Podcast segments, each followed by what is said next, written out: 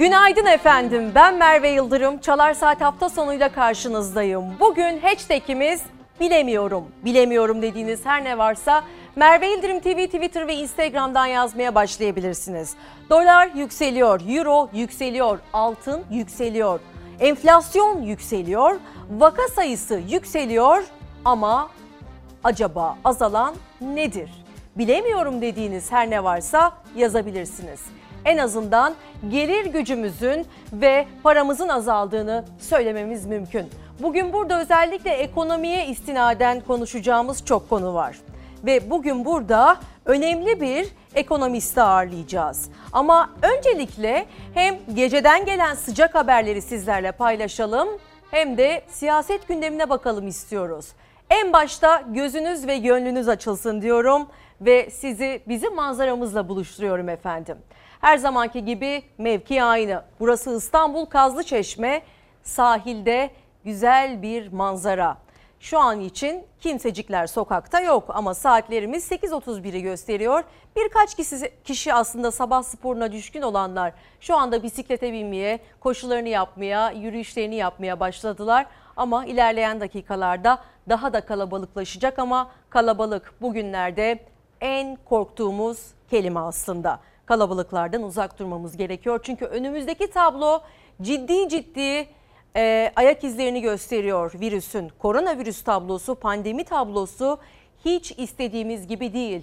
Bilim kurulu üyeleri üzerine basa basa vurguluyor, dikkat diyor.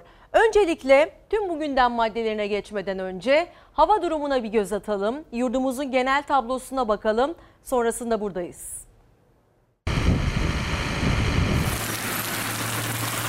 Sıcak bir haftanın ardından parçalı bulutlu bir hafta sonuna uyanacak Türkiye. İç Ege ve Doğu Karadeniz içinse sağanak yağış uyarısı geldi.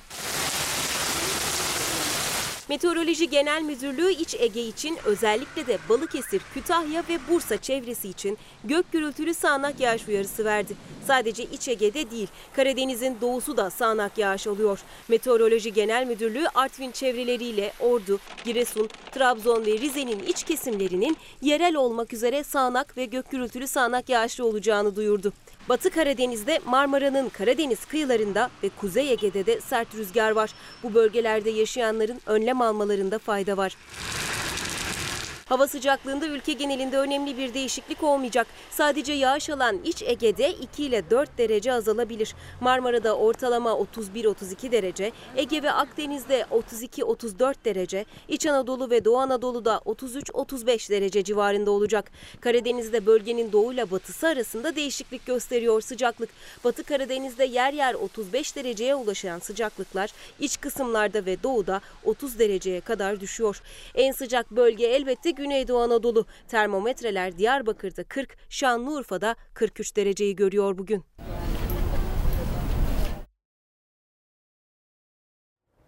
Ve gecenin sıcak haberi dün akşam saat 22.20'de Bitlis sallandı. Gerçekten çok büyük bir e, sarsıntı ve yerden hissedildi. Bitlis dün gece 4.6 büyüklüğünde depremle sallandı. Çevre illerden de hissedilen deprem büyük korku yarattı. Önce gürültü ve daha sonra bir sarsıntı gerçekleşti. Endişeyle dışarı çıktık biz. Saat 22.20'de merkez üssü Bitlis'in Hizan ilçesi olan bir deprem meydana geldi. Yerin 7 kilometre derinliğinde meydana geldiği öğrenilen deprem vatandaşları sokağa döktü.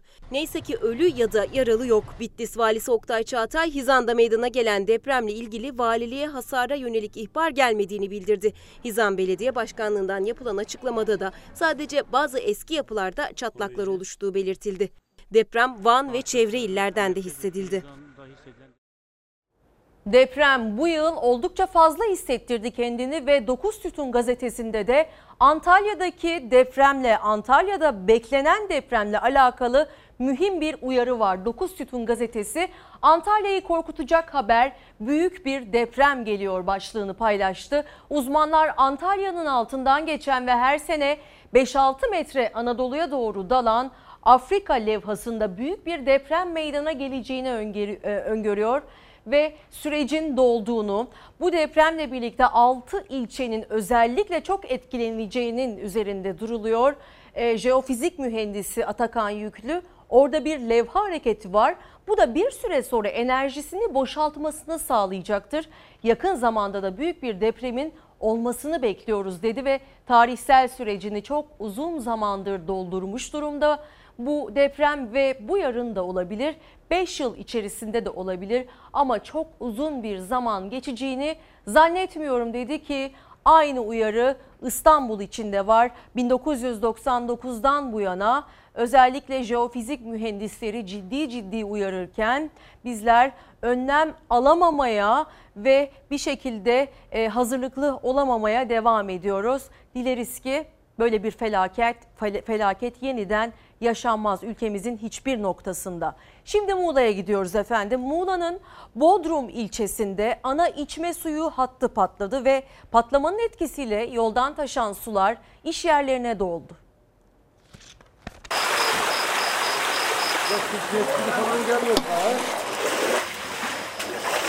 Bir yıl içinde dükkanlarını defalarca su basan esnaf isyan etti. Muğla'nın Bodrum ilçesinde gece yarısı patlayan içme suyu ana hattıyla iş yerleri sular altında kaldı. Patlamanın ardından yolda göçük oluştu.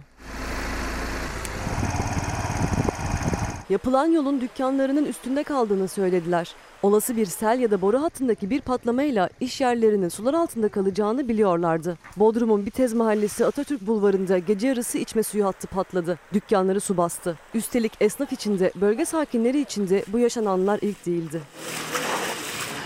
Yani bu yol yapıldı, çok güzel bir yol yapıldı. Biz bu yol 10 santim, 15 santim yükseldi. Dedik ki burada dükkanları görüyorsun işte yol seviyesinin altında kaldı. Buna artık alıştık biz.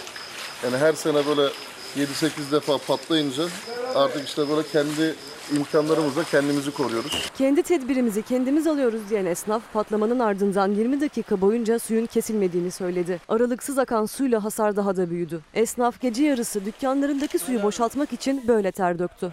Evet, bir seneden beri çektiğimiz Allah Su kesildiğinde patlamanın verdiği hasar daha net görüldü. İçme suyunun geçtiği boru ikiye ayrıldı. Yolda metrelerce derinlikte çukur oluştu. Muski ekipleri yolu çift taraflı trafiğe kapadı. Güvenlik tedbiri alındıktan sonra onarım ve temizlik çalışması başladı. Bitez Mahallesi esnafı bir an önce sorunlarına çözüm bulunmasını istiyor. Ve koronavirüs tablosu son açıklanan tablo düne ait 7 Ağustos 2020 tarihinde test sayısı 56.726 idi. Hasta sayımız 1185 ve vefat eden vatandaşlarımızın sayısı da 15'ti. İyileşen sayısı ise 1028 ki zaten bu tabloya baktığımızda işlerin iyiye gitmediğini görebiliyoruz. Çünkü iyileşen sayısı hasta sayısının üzerinde ve rakamlar 1100'ün altına düşmüyor. Aslında bilim kurulu üyelerini ve Türkiye'yi paniğe sokan, sürükleyen tabloda bu aslında ve Cumhurbaşkanı Erdoğan bu konuya istinaden bir açıklama yaptı. Özellikle sosyal mecralarda tabloların e, yükselmesi sonrasında başlayan kısıtlama olacak mı olmayacak mı sorusuna cevap verdi. Bu konuda bilim kurulunu işaret etti. Bütün kısıtlamaların hepsi bilim kurulumuzun almış olduğu kararlara bağlı. Vaka sayısı arttı, gözler kısıtlama olup olmayacağına çevrildi. İçişleri Bakanı Süleyman Soylu gündemimizde yok diyerek net konuşmuştu ama Cumhurbaşkanı Erdoğan yeni yasaklar için bilim kurulunu işaret etti. Sağlık Bakanlığı'nın açıkladığı son tabloysa endişe vermeye devam ediyor. Çünkü günlük vaka sayısı iyileşenlerin sayısından hala yüksek. Yeni hasta sayısı 1185. Yeni hasta sayımızdaki artış devam ediyor. İyileşen hasta sayımız dün olduğu gibi yeni hasta sayısından az. Test sayımızsa giderek artıyor.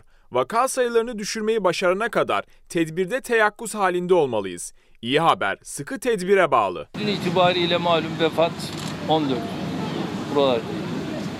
Ama mesele tabii vaka sayısının düşmesi. Bunu başarmamız lazım. Çalışıyoruz. Daha çok çalışacağız. Test sayısı arttıkça daha çok vaka teşhis ediliyor. Kritik bin sınırını aşan günlük hasta sayıları 3 gündür 1100'ün de üstünde. Erdoğan vaka sayılarının düşmesi için daha çok çalışılacağını açıkladı. Herkesin tedbirlere sıkıca uymasını istedi. Sizler de bize yardımcı olmanız lazım ki bir an önce bu vaka sayısının düşmesi, vefat sayısının düşmesini hep beraber başaralım, sağlayalım. Ağır hasta sayısı da hala yüksek. 586 kişi koronavirüse karşı yaşam savaşı veriyor. Ben buradan tekrar tüm halkıma sesleniyorum. Ne olur şu maske, mesafe ve temizlik buna dikkat edin. Ayasofya Camii'ndeki cuma namazının ardından gazetecilerin sorularını yanıtlayan Erdoğan konuşması bitince eline mikrofonu aldı. Toplanan kalabalığa seslendi. Bir kez daha maske, mesafe ve hijyene dikkat edilmesini istedi. Buna dikkat edersek eyvallah bu işi çok ama çok az hasarla atlatırız. Buna dikkat etmemiz.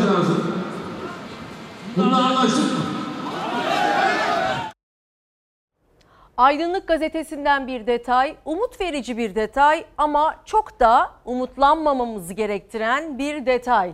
Türk bilim insanlarından büyük buluş diyor gazete. Covid-19'a hepatit A aşısı. Türk bilim insanları Covid-19'un ölüm riskini azaltacak bir keşif yaptı. Hepatit, hepatit A virüsüne karşı bağışıklığın insanları Covid-19 hastalığından koruduğunu nesnel gerçeklerle ortaya koydu. Profesör Doktor Faik Sarıalioğlu ve doçent doktor Burcu Belen Apak tarafından yapılan araştırma Covid-19 hastalığını ağır geçiren hastalarla virüs testi pozitif olmasına rağmen klinik hastalık göstermeyenlerin hepatit A bağışıklıklarını ölçüp karşılaştırmak için bakanlıktan onay bekliyorlar. Ama tabii ki bu e, bulunan e, keşifin Dünya Sağlık Örgütü tarafından da Sağlık Bakanlığı örgüt e, Sağlık Bakanlığımız tarafından da Bilim Kurulu tarafından da onaylanması gerekiyor. Bunun için bütün dünya savaşırken bütün dünyanın bilim insanları el ele vermiş bu hastalığa çare ararken Türk bilim insanları da canını dişine takarak işte böyle uğraşıyorlar. Korona gündemiyle devam edelim. 81 il valiliğine gönderilen son genelgeyle beraber denetimler artırıldı. Dün akşam neredeyse tüm bölgelerde özellikle düğün, nişan, sünnet töreni gibi tüm e, kutlamalarda denetim vardı. Süleyman Soylu, İçişleri Bakanı Süleyman Soylu da o denetimlerden birine katıldı ama onun katıldığı bölgede durum biraz farklıydı. Değerli misafirlerimiz maskemize ve sosyal mesafemize lütfen dikkat edelim. Her şey bizim için. İçişleri Bakanlığı'nın 81 ilin valiliğine gönderdiği genelgenin ardından denetimler hızlandı. Pilot il Kırıkkale başta olmak üzere özellikle organizasyonlarda kontroller yapıldı. İçişleri Bakanı Süleyman Soylu da Ankara'da bir düğün salonunda yapılan denetime katıldı. Koronavirüse karşı mücadelede yeni bir döneme girildi demişti İçişleri Bakanlığı. Genelge kapsamında pilot il olarak belirlenen Kırıkkale'de polis ekipleri düğün ve nişan organizasyonlarını tek tek gezdi. Maske, sosyal mesafe ve dezenfektan konusunda hem vatandaşları hem de mekan işletmecilerini uyardı. Polisler denetimi sürdürürken müzisyenler de düğüne gelenleri uyardı. Değerli misafirlerimiz maskemize ve sosyal mesafemize lütfen dikkat edelim. Her şey bizim için.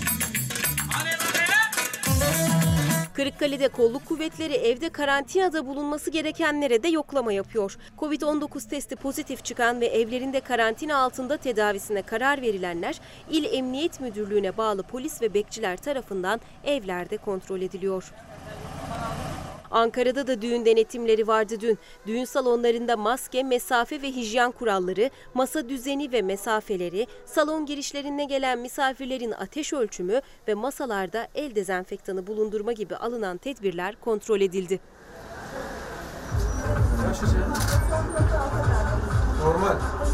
İçişleri Bakanı Süleyman Soylu da Ankara'da polis bir çiftin düğünlerine yapılan denetime katıldı. Soylu, bu salgın döneminde hem mesafeye hem maskelere dikkat edilmiş örnek bir düğün oldu dedi.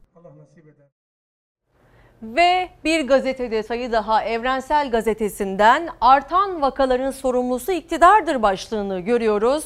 Eş e, Ses Enel e, Ses Eş Genel Başkanı Kara artan vakaların sorumlusunun yanlış politikalarla ısrar eden iktidarın olduğuna dikkat çekti. Sağlık Bakanlığı'nın açıkladığı verilerinin verilerin inandırıcılığının kalmadığını belirten e, Kara iktidara sorumluluktan halkı suçlayarak kaçamazsın diye seslendi ve Türk Tabipler Birliği aile sağlığı merkezlerinde çalışanların %82'sinin koruyucu ekipmanını kendi parasıyla almak zorunda kaldığını da açıkladı. Bu da işte e, hem test sayılarının hem kronik hasta ve annelerinin e, annelerinin e, kronik hasta sahibi annelerin e, aynı zamanda ücretli izin alamadığının da bir detayı verildi gazetede. E, 81 ilin valiliğine gönderilen genelgeyle birlikte valilerden, valiliklerden pek çok açıklama geldi ve o açıklamalar gösteriyor ki Sağlık Bakanlığı'nın aksine durum kırmızı alarm veriyor.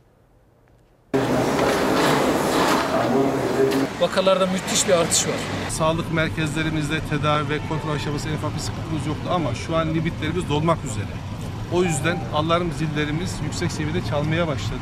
İş çığırından çıktıktan sonra bu olay yönetilmez bir hale gelir. Türkiye'nin dört bir yanından uyardı valiler. Koronavirüste çoğu ilde alarmın rengi kırmızı. Normalleşme adımlarıyla yükselmeye başlayan vaka sayılarında bayram tatiliyle birlikte ciddi artış yaşanıyor valilere göre. Karabük'te de bayramın hemen ikinci günü itibariyle vaka sayımızda bir artış oldu. Aslında 1 Haziran itibariyle vaka sayılarımızda bir e, gözle görülür bir e, artış oldu. Eğer uymazsak kurallara sonucu iyi olmaz. 81 ildeki en kapsamlı koronavirüs denetiminde İçişleri Bakanı Süleyman Soylu'nun Ankara'da bindiği otobüs bomboştu. Ancak diğer illerde özellikle toplu taşıma araçları çok kalabalıktı. İllerde valilerin, ilçelerde de kaymakamların katıldığı denetimlerin sonunda da valiler son durumu değerlendirdi. Çorum valisi Mustafa Çiftçi vaka artışındaki hızın sınırları zorlayabileceğini söyledi. Bu şekilde devam ederse yani vaka artış hızı bu şekilde devam ederse bir müddet sonra sağlık sistemi tedavi etme sınırlarını zorlamış olacak. Temmuz ayının son haftasında Van'da hasta ziyaretleri yasaklanmıştı. Vali Mehmet Emin Bilmez'e göre son günlerde daha da arttı hastanelerdeki yoğunluk. Yoğun bakım şeyinde e, artışımızda ciddi bir artış var. Bu da sebebi şu anki vakalarımız, hastalarımız, hastanede yatanlarımızın büyük bir kısmı yaşlılardan e, oluşmaktadır. Eğer aşırı bir artış ortaya çıkarsa tabii kısım tedbirleri de ayrıca planlayabiliriz. Gerekiyorsa düğünlerin, taziyelerin yasaklanması noktasında da e, ya da çok ciddi sınırlamalar getirilmesi noktasında da kararlar alabiliriz. Karabük ve Kastamonu valileri de böyle giderse ek tedbirler alınabileceğinin altını çizdi. Karaman'da ise halka açık alanlarda kuru yemiş ve dondurma yemek, sigara içmek yasaklandı. Özellikle kuru yemiş, dondurma ve sigara maske kullanımını engelleyen 3 tane temel faktör. İşte biz bunları önleyebilmek için bunları yasakladık. Bu yasağın temel nedeni budur. Tüm uyarılara rağmen Bursa'da kaydedilen bu asker uğurlama görüntüleri oluşmasın diye İstanbul Valisi Ali Yerlikaya da bu celp döneminde de İstanbul'da toplu asker uğurlamalarının yasak olduğunu hatırlattı. 8 Ağustos itibariyle İstanbul'dan 16.346 evladımız vatani görevini yapmak üzere memleketimizin dört bir yanına dağılacak. Hem kendi sağlığınızı hem de sevdiklerinizin sağlığını riske atmayın. Muhalefet mensubu milletvekilleri kendi seçim bölgelerindeki koronavirüs tablosuna ilişkin önemli iddialar ortaya atıyor. CHP Sivas Milletvekili Ulaş Karusu, e, Sivas'ta koronavirüs şikayetiyle hastanelere gidenlere test yapılmadığını söyledi. Ve CHP'li Özgür Özel de Manisa'da sağlık sisteminin çökmek üzere olduğunu iddia etti. Sivas alev alev şu anda zaten 10 köy karantina altında. Bir mahallede karantina var. Bazı evlerde 4-5 kişi de pozitif çıkmış durumda. Köylerden bile 150 kilometre 200 kilometreden test yaptırmak için hastaneye gelen insanlar test olmadığı için evlerine yönlendiriliyorlar. Bu 3 gündür devam ediyor. CHP Sivas Milletvekili Ulaş Karasu'nun iddiasına göre son 3 gündür Sivas'taki hastanelerde koronavirüsün tespiti için kullanılan kitler yok. Belirti gösteren hastalara dahi test yapılamıyor. Günlük ortalama 400-500 tane test yaptırmak için vatandaşımız hastanelere geliyor. E, Bir ambulans giriyor, bir ambulans çıkıyor Sivas'ta hastanelerde E, ve bu konuda e, Sivas'ta ciddi bir zafiyet oluşmuş durumda. Sivas'ta vaka sayıları Nisan-Mayıs aylarında 150, 160, 130 civarında değişiyordu. Şu anda binin üzerinde vaka sayısı var. CHP'li Karasu'nun bu iddiası günlerdir polemik konusu olan Sağlık Bakanı'nın açıkladığı verilerin güvenilirliği tartışmasını da alevlendirdi.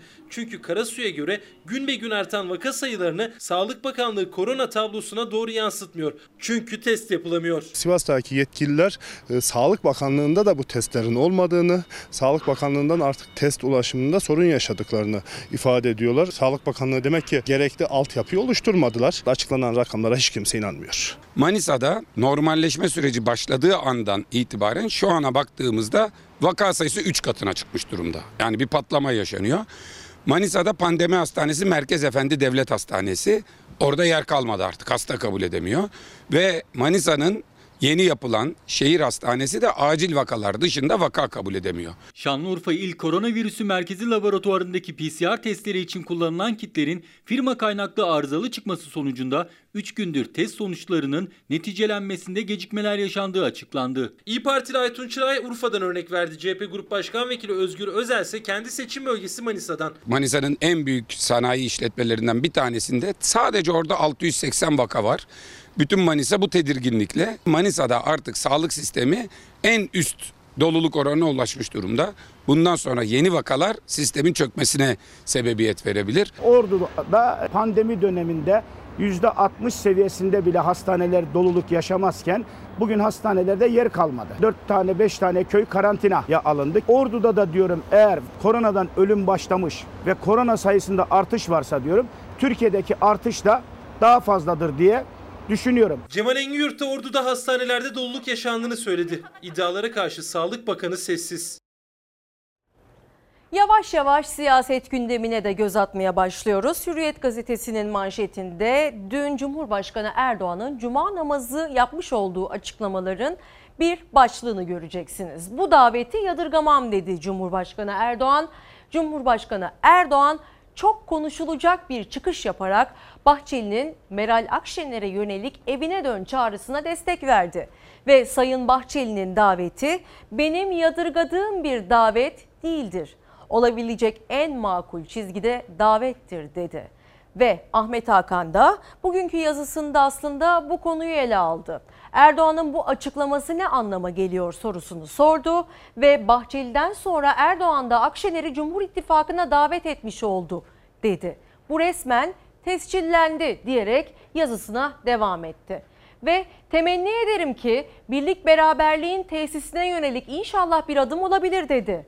Çünkü dağınıklıkta bir şey yok. Ne kadar birlik beraberlik artarsa hele hele böyle HDP ile e, HDP ile terör örgütleriyle el ele olmak milli ve yerli olarak düşündüğümüz İyi Parti'ye hiç uygun düşmeyebilir dedi. Tabii ki başka konu başlıkları da verdi ama İyi Parti bu mesele böyle konuşulmaz diyerek cevap verdi. Meral Akşener'den gelen ilk yanıt bu oldu. Ee, özür diliyorum İyi Parti sözcüsü e, Ağar Aleoğlu bu çağrıya aslında ilk olarak cevap verenlerden biriydi.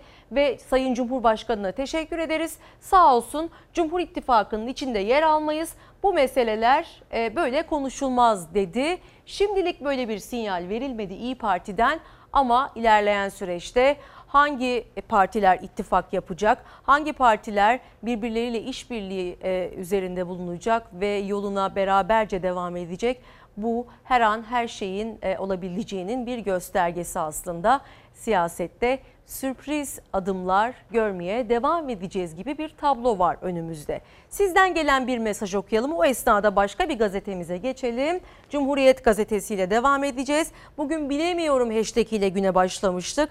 Hasan Can Bakış bilemiyorum EYT'lilerin hali ne olacak diyor. Çok mağdur edildiğimizden ve e, mağdur durumda olduğumuzdan bahsedip bahsetmek istiyorum diyenlerden biri.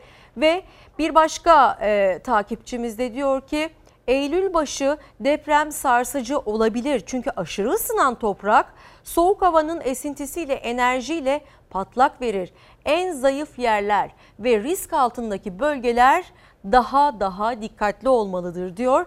Anladığım kadarıyla kendisi bir deprem uzmanı e, ve az önce Antalya için bir uyarı görmüştük. Bingöl'de dün akşam saatlerinde 22 civarında gerçekleşen deprem sonrası aslında zaman zaman kendini hatırlattığını da bir kez daha vurgulamış olalım. Depremin hazırlıklı olmalıyız. Bilemiyorum dediğiniz ne varsa Merve İldirim TV, Twitter ve Instagram'dan yazıyorsunuz efendim. Bugün özellikle ekonomiye istinaden çok konu konuşacağız. Altındaki, dolardaki, enflasyondaki, eurodaki yükselişi ve gidişatı masaya yatıracağız. Doktor Tuğberk Çitilci yorumlarıyla, analizleriyle bizimle birlikte olacak ve tabii ki önerileri de olacak tüm izleyicilerimize, sizlere nasıl bir yol haritası belirlememiz gerekiyor? Nasıl bir e, yatırım yapmamız gerekiyor ya da nasıl tedbir almamız gerekiyor? Tüm bunları masaya yatıracağız çünkü gerçekten çok kritik bir süreçten geçiyoruz ve ekonomik kriz her ne kadar pembe bir tablo çizilmeye çalışsa da uzmanlara göre, verilere göre çok da iç açıcı değil. Tabii ki pandemi yüzünden bütün dünya ekonomik krizle savaşıyor ama biz hazırlıksız yakalan ülkenin insanları olarak çok daha fazla bedel ödeyebiliriz diye ufak bir özet geçerek gazeteyle devam ediyorum. Cumhuriyet gazetesinden yine Cumhur'un aklı Millet İttifakı'nda manşetini başlığını görüyoruz. Karşı bloğu dağıtma çabasında ilk çıkışı yapan Bahçeli'ye Erdoğan'ın desteği olarak yorumladı Cumhuriyet gazetesi. Bu çağrıyı Türkiye ekonomik krizle boğuşurken Cumhur İttifakı ısrarla Millet İttifakı'nda ayrışma yaratmak için politika yürütüyor. Akşener'e eve dön çağrısı yapan Bahçeli'ye destek veren Erdoğan, Sayın Bahçeli'nin daveti doğrusu benim yadırgadığım bir davet değildir. O da olabilecek en makul çizgide bir davettir. Birlik adımı olabilir dedi ve daha önce zillet ortağı dediği İyi Parti'nin yerli ve milli olduğunu söyledi Erdoğan.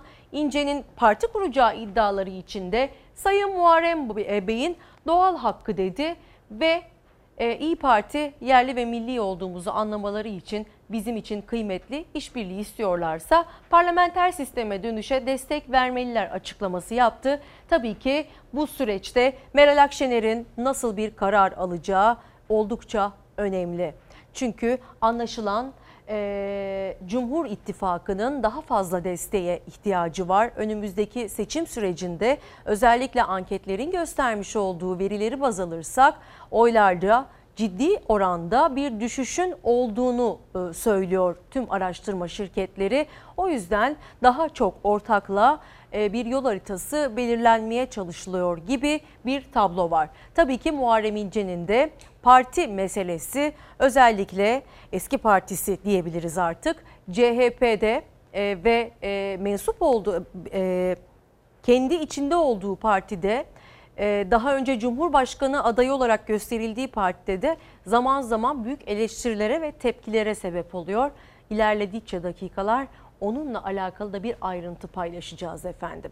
Şimdi bu mesele acaba nasıl konuşuluyor? İyi Parti lideri Meral Akşener'e giden davet hem Cumhurbaşkanı Erdoğan tarafından hem de Devlet Bahçeli tarafından nasıl değerlendiriliyor? Nasıl konuşmalara sebep oluyor? Bunun haberini izliyoruz. Sayın Bahçeli'nin daveti ise benim yadırgadığım bir davet değildir. O da olabilecek bir en makul çizgide davettir. Temenni ederim ki birlik beraberliğin tesisine yönelik inşallah bir adım olabilir. Devlet Bahçeli'nin İyi Parti lideri Meral Akşener'e yaptığı eve dön çağrısına Cumhurbaşkanı Erdoğan destek verdi. Hatta onun da sözleri Akşener'e üstü kapalı davetti. İyi Parti'den siyasi çaresizlik yanıtı geldi. Siyasi çaresizliğin getirdiği noktada halkın sorunlarını örtme taktikleridir. Sayın Akşener'in böyle gitmeyeceğini, böyle ittifak olmayacağını olsa bile bir ayağının çukura düştüğünü görüp derhal ve çok kısa süre içinde evine dönmesi doğru ve tutarlı bir davranış olacaktır. MHP lideri Bahçeli CHP ve HDP'yi yan yana sayıp Akşener'in Ayasofya ziyareti üzerinden İyi Parti'nin muhalefet cephesinden ayrılarak Cumhur İttifakı'na katılması çağrısında bulundu. Evine dön dedi. Bahçeli'nin o davetine karşı Akşener siyasi magazin nezaketsizlik derken Erdoğan'a seslendi. Ben şimdi aracılığınızla Sayın Erdoğan'a bir çağrıda bulunmak istiyorum. Ortağıyla ilgilensin. Ne zaman Sayın Erdoğan'ın ilgisi azalıyor, Sayın Bahçeli başta ben olmak üzere partime sardırıyor. Biz bundan bıktık. Lütfen ortağıyla ilgilensin. Akşener'in çağrı yaptığı Cumhurbaşkanı Erdoğan ise Cumhur İttifakı ortağı MHP liderinin davetine sahip çıktı ve İyi Parti için ilk kez yerli ve milli ifadesini kullandı. Dağınıklıkta bir şey yok. Ne kadar birlik beraberlik artarsa hele hele HDP ile terör örgütleriyle el ele olmak milli ve yerli olarak düşündüğümüz İyi Parti'ye hiç uygun da düşmeyebilir. Böyle bir sıkıntının olması hasebiyle zaten böyle bir davetle gerçekleşmiştir diye düşünüyorum. Ülke genelinde de bir bütünleşmenin gereği bana göre önemlidir. FETÖ'cü dediler, illet, zillet dediler, terörle bağlantılı dediler, atılmadık iftira bırakmadılar. Bugünse yerli ve milli olarak düşündüğümüz İyi Parti diyorlar. Sonunda anladınız. Güneş balçıkla sıvanmaz. Zaten yerli ve milliyiz. Milliyetçi, demokrat ve kalkınmacıyız. İyi Parti Kayseri Milletvekili Dursun Ataş Erdoğan'a yanıt verdi. Ama Akşener Erdoğan'ın birlik beraberlik çağrısıyla yaptığı davete karşı henüz açıklama yapmadı. Siyaset bir yandan Cumhur İttifakı ortaklarının Meral Akşener'e yaptığı daveti konuşuyor, bir yandan da Muharrem İnce'nin yeni parti arayışlarını. Bu tür şeylere yabancı değiliz tabii. İçimizden de biliyorsunuz birileri ayrıldı, gittiler, işte partilerini kurdular. Tabii bu parti kuruluşları nereye varır bilemem. Cumhurbaşkanı Erdoğan daha önce AK Parti'den ayrılarak yeni parti kuran Davutoğlu ve Babacan için ihanet içindeler demişti. Muharrem İnce'nin CHP'den ayrılarak yeni parti kuracak olmasıyla ilgili ise en doğal hakkı ifadesini kullandı. Sayın Muharrem Bey ile ilgili olarak o da onun en doğal, en tabii hakkıdır. Eski bir siyasetçidir. Yani yeni değildir. Eski bir siyasetçi olarak da o da onun doğal hakkıdır. Muharrem İnce'den yanıt gecikmedi. Sosyal medyadan yaptığı paylaşımla Muharrem İnce hem Cumhurbaşkanını hem de CHP'deki bir grubu hedef aldı. Bir tarafta AK Parti'den ayrılanlara ümmeti bölmeyin, CHP'den ayrılma iddialarına en doğal hakkı deniliyor. Diğer taraftaysa AK Parti'den ayrılan demokrasi kahramanı, CHP'de rahatsız olanlar sarayın adımı. Yok birbirinden farkları. İnce bir başka paylaşımında da Erdoğan'ın ekonomi konusundaki açıklamalarını eleştirdi. Çamaşır makinesi satışlarına sığınarak yaptığı açıklamalar yakında emekli siyasetçi olacağının müjdesini vermektedir dedi. Muharrem İnce'nin e, yeni parti kurma iddialarına yönelik ve CHP'den ayrılma iddialarına yönelik e, tartışmalar sürerken CHP eski genel başkanı Deniz Baykal bir yorum getirdi. Baykal tuzağa düşmeyelim ve ayrışmayalım mesajını verdi. Yeni Çağ gazetesi de buna e, yer verdi ve e, Baykal İnce'nin ayrılmaması için Kılıçdaroğlu'nu ziyaret edeceğini açıkladı. Kendisinin bu tartışmanın seyircisi olarak görmediğini ifade etti ve İnce'nin ayrılmasına da parti kurmasına da göz yumamayız. Muharrem sevgi ve saygıyı hak eden gerçek bir CHP'lidir dedi. Ayrılması vahim bir hata olur dedi ki zaten e, Muharrem İnce'ye olan güven e, geçtiğimiz seçimlerde de Cumhurbaşkanı adayı olarak e, aday gösterilmesinden de belliydi. Kılıçdaroğlu ile görüşeceğini açıklayan Baykal da İnce'ye de güveniyorum hata yapmamalı ayrılmamalı ve hak ettiği sevgi ve saygıyı gösterirsek gereğini tereddütsüz yapacaktır dedi. Tuzağa düşmeyelim ayrılış, ayrışmayalım uyarısının da bir kez daha üzerinde durdu. İşte Muharrem İnce meselesini de böyle gündem maddeleriyle özetleyebiliriz efendim. Ve Cemal Engin Yurt biliyorsunuz ki fındık çıkışıyla MHP'den ihraç edilmişti. Açıklamalarına devam ediyor. İlker Karagöz'ün konuğuydu ve bakın bu kez neler söyledi. Öyle bir hassas noktaya geldik ki Milliyetçi Hareket Partisi Cumhur İttifakı'nı korumak, kollamak adına çok hassas davranıyor.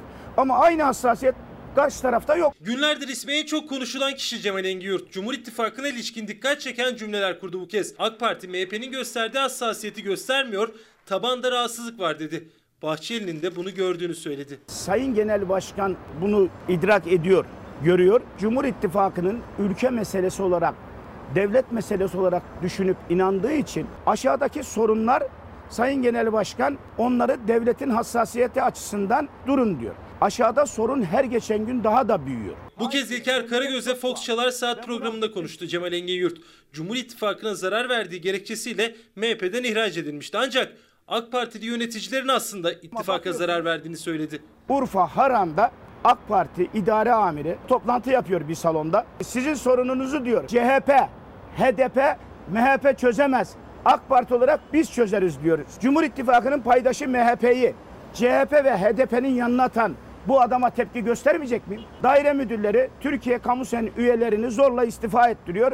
AK Parti'ye yakın olan sendikaya geçirmeye çalışıyor. Tepki göstermeyecek mi? Sus artık diyor ya. Susup oturmak için milletvekili olmadım ki. Ha bu Milliyetçi Hareket Partisi'ne ters geldi. Engin Yurt Bahçeli'den daha önce de uyarı aldığını söyledi. Vatandaş için susmadığını. Biraz sivri dilliyim. Biraz tez canlıyım. Haksızlık gördüğümde susamadım. Genel Başkan beni hakikaten çok sever. Ben de onu çok severim. Yakın etrafındaki arkadaşlar benden rahatsız oldular. Fındık fiyatları üzerinden tartışmaya girdi ve ihracına sebep olan Tarım Bakanı da hedefindeydi. Kabinedeki en başarısız bakan olduğunu söyledi Bekir Pakdemirli'nin. Avrupa'dan daha ucuza et yiyoruz Türkiye'de diyen bir tarım bakanı Almanya'da etin kilosu 4 euro 32 lira ediyor. Türkiye'de etin kilosu 80 lira. Tarım Bakanı fındığı bilmiyor. Tarım Bakanı hayvancılığı mahvetti, çökertti. Engin Yurt ihracı sonrası söyledikleriyle dikkat çekmeye devam ediyor. MHP ise Cemal Engin Yurt'un söylemleri karşısında şimdilik sessiz. Geçtiğimiz hafta Türkiye ile Yunanistan arasında Akdeniz gerilimi tırmanmıştı. Milat gazetesinden konuyla alakalı bir manşet göreceksiniz. Yunanistan saçmalıyor. Kaş'tan yüzülerek gidilen Meis'in 40 bin kilometre çevresi benim diyor. Rumlar Türkiye'ye 2, Yunanistan'a ise 580 kilometre uzaklıktaki Meis Adası çevresinde 40 bin kilometre hak iddia ediyor. Milat'a konuşan uzmanlar Türkiye asla bu mantıksızlığa teslim olmaz diyor. Ve bir e, e, fotoğraf karesi görüyorsunuz. E, bunun akla uymadı, uymadığını belirten Profesör Doktor Şener Üşümezsoy diyor ki ben diyor ben Meis'e Kaş'tan yüzerek gidiyorum o derece yakınız diyor ve Yunanistan'ın olduğunu kabul etse eğer Türkiye diyor Kaş, Kalkan ve Fethiye kıyısı da Yunan kıyısı olmuş olur. Bu da imkansız diyor Doğu Akdeniz e, hakkını araması Türkiye'nin başta Rumlar olmak üzere bazı ülkeleri çıldırtmaya devam ediyor. Ama özellikle Kuzey Kıbrıs Türk Cumhuriyeti ve Türkiye'nin e, ortaklığıyla birlikte haklarımızı e, savunmaya ve müdafaa etme gayretimize e, devam ettiğimizde söyleyebiliriz ki geçtiğimiz yaz itibariyle bu mesele başlamıştı. Doğal kaynaklara herkes sahip çıkmak istiyor ama özellikle Türkiye'nin Kuzey Kıbrıs Türk Cumhuriyeti'nin kendi sahip olduğu ve hak sahibi olduğu bölgelerde dışlanmaya çalışılma sebebi ciddi anlamda büyük bir kriz aslında. Peki bu konuya istinaden Akdeniz'de ısınan sulara istinaden ne gibi gelişmeler yaşandı? Almanya konuya dahil olmuştu ve sonrasında bakın neler oldu. Yunanistan'la Mısır arasında yapılan bu anlaşmanın hiçbir kıymeti harbiyesi yok. Türkiye en üst perdeden res çekti Yunanistan ve Mısır'a. İki ülke arasında imzalanan deniz yetki alanları anlaşmasını Ankara tanımadığını açıkça dile getirdi. Yunanistan'ın Libya ile ilgili olarak kıyıdaş olma konusunda bir alakası var mı? Ne işi var orada? Mısır'ın aynı şekilde bir alakası var mı? Yok.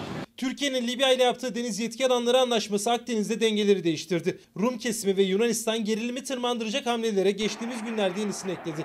Türkiye'nin Meis Adası açıklarında Nartex yayınlayıp sismik araştırma yapma kararı sonrası Yunanistan gemiler ve uçaklarla Barbaros Hayrettin gemisini taciz etti.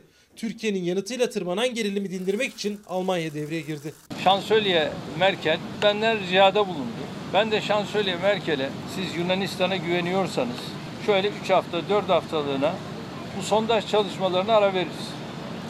Ama ben bunlara güvenmiyorum. Ve göreceksiniz bunlar sözünde durmayacaklar.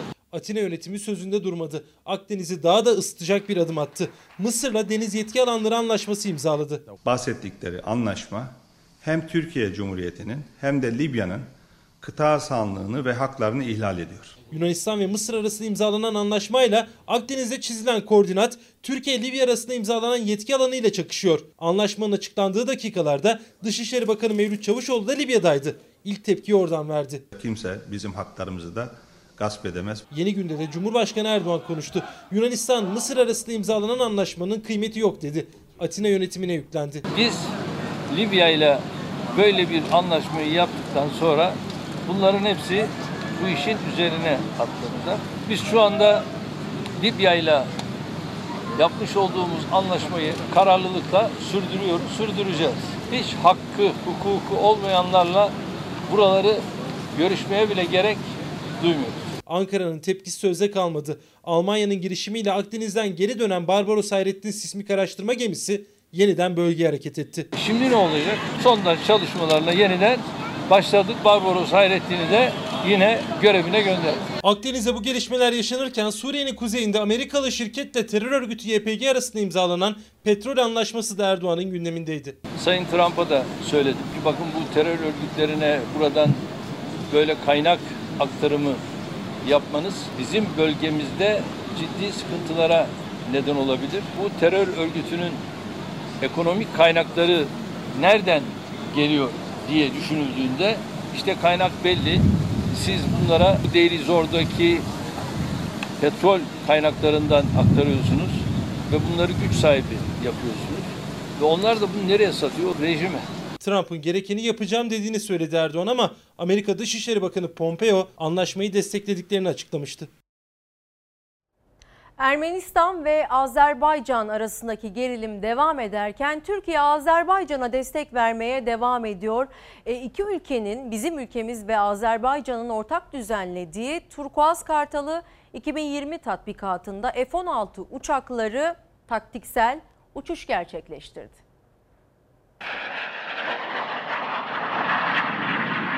Azerbaycan'la Türkiye'nin ortak düzenlediği Turaz Kartalı 2020 tatbikatında F-16 rüzgarı esti.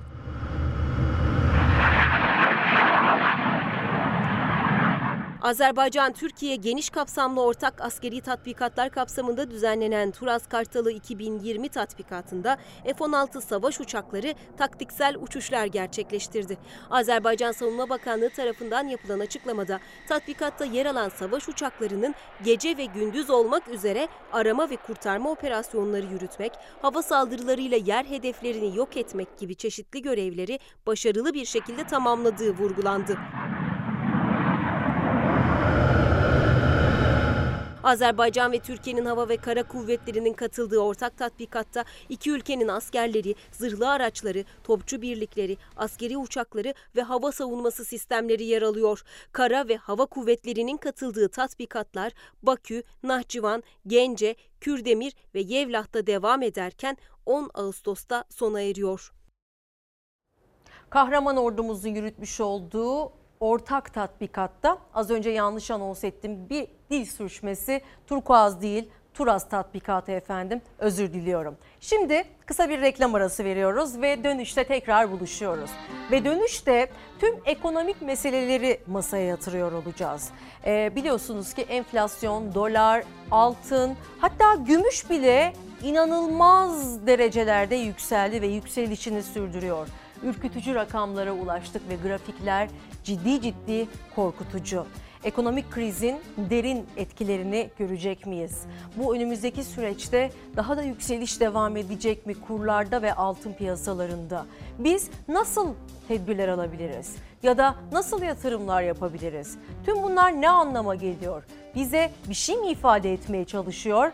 Önemli konuğumuz Doktor Tuğber, Tuğberk Çitilci bizimle birlikte olacak ve her konuyu sizlerle paylaşıyor olacağız. Özellikle bu bloğu lütfen kaçırmayın ve takip edin. Çünkü hepimizin hanesini, hepimizin geleceğini ve hepimizin cebini ilgilendiren mesleğiniz ne olursa olsun, gelir düzeyiniz ne olursa olsun ciddi ciddi takip etmemiz gereken bir süreçteyiz. Bu yüzden ayrılmayın efendim. Tekrar günaydın dileklerimi iletmek istiyorum efendim. Bugün günlerden cumartesi ve tarih 8 Ağustos 2020. Saatler tam 9.30'u gösteriyor. Ekonomi diyerek devam ediyoruz. Gazete manşetlerinden ilk olarak Bir Gün gazetesinden manşeti göreceksiniz. Ülke batıyor ama gören yok diyor gazete. Dolar, avro, altın tarihi zirveyi gördü. İşsizlik, yoksulluk derinleşiyor. İktidarsa dalgasında. Erdoğan'a göre ülke ekonomisi tırmanışta ama gerçekler ortada. Dövizdeki tırmanışla beraber halk yoksullaşırken yandaşın cebi doluyor. Döviz yükseldikçe kamu özel işbirliği projelerinin bedelleri de fırlıyor. Dolar, avro, altın her bir kuruş yükseldiğinde halkın parasıyla finanse edilen hazinenin borç yükü artıyor. Garantili projelerin müteahhitleri ve hazineye borç veren sermayeler zenginleşiyor. Finans uzmanı Kerim Rota'ya göre hazine yap işlet devlet nedeniyle 75 milyar dolarlık taahhütün altına girmiş durumda. Ve AKP Genel Başkanı ve Cumhurbaşkanı Erdoğan derinleşen krize rağmen ek- e, ekonominin uçuşta olduğunu iddia etti. Damadı kurtarma seferberliğindeler diye de bir not var. Krizin sorumlularından Hazine ve Maliye Bakanı Berat Albayrak'a tepki yağarken iktidarsa damadı kurtarma derdine düştü. Ekonomi masalı bitti hashtag ile Twitter'da TT olurken, TT olurken AKP'liler de Berat Albayrak'ın yanındayız paylaşımları yaptılar. Sosyal medya üzerinden siyaset devam ederken işte böyle bir yarış içerisinde olan taraftarlar ve destekçiler de var efendim. Cumhuriyet gazetesinden bir detay. Senaryo değil kabus. AKP sözcüsü Çelik'in kriz senaryosu dediği ekonomideki gelişmeler yurttaş için yoksulluk ve zam demek. Sizin için ne demek efendim? En başta bunu sormak istiyoruz. Merve İldirim TV, Twitter ve Instagram'dan bilemiyorum hashtag ile paylaşmış olduğunuz mesajlara bol bol yer vereceğiz bugün. O yüzden ekonomik gidişatla ilgili sizin durumunuzu, işsizlik, enflasyon, altın, dolar meselelerindeki görüşlerinizi paylaşabilirsiniz. Cumhuriyet gazetesi işte bu başlığı attı ve asgari ücret kişi başı gelir eridi diye devam etti. Ekonomideki hareketlilik sorusunu Cumhurbaşkanı Erdoğan cebinde taşıdığı notla 17 yılda kaç buzdolabı satıldığını söyleyerek yanıtladı. Ki bunu daha önce de yapmıştı Cumhurbaşkanı Erdoğan buzdolabı üzerinden bir örnekle ekonomiye açıklamada açıklama yapmıştı. AKP sözcüsü Çelik'in kriz senaryoları dediği döviz rekorları yurttaşın ekmeğini küçülttü. Kişi başı gelir 2000 dolar, asgari ücret 74 dolar eridi. Kurdaki yükseliş birçok ithal ürüne fiyat artışı olarak da yansımaya başladı bile. Hem gelir, gücü, e, gelir gücünün düşmesi hem de e, yükselen kur altın rakamlarıyla birlikte daha da zamlanan temel ihtiyaçlar A'dan Z'ye gelen zamların acaba devamı gelecek mi derken bunun da cevabını birazdan alacağız efendim. Ve bir başka gazetesi, e, gazeteden de gelsin bir ekonomi başlığı daha. Siz de faizi düşürün. Birileri dolar dolar yükselt, yükseltiyor. Siz de faizi düşürün diyor Doğru Haber. Dolar TL kuru bu yılda 5.94 seviyesinden başladı.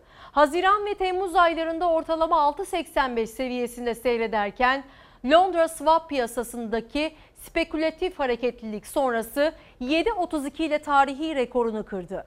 Borsa ise 3 ay sonra ilk kez 1000 puanın altını gördü. Tabi fularlı uzmanlar tüm bu gelişmelerin üzerinde ağız birliği yapmış gibi faiz artırımı şart derken arka planda asıl aktörler faiz ister temennisindeler. İşte gazete böyle cümlelerle tiye aldı aslında durumu. Biz de tam tersini diyoruz. Birileri doları yükseltiyor. Siz de faizi düşünün. Merkez Bankası'ndan da e, piyasalardaki dalgalanmaya istinaden bir gelişme yansıdı dün haber bültenlerine. Bakın neler oldu.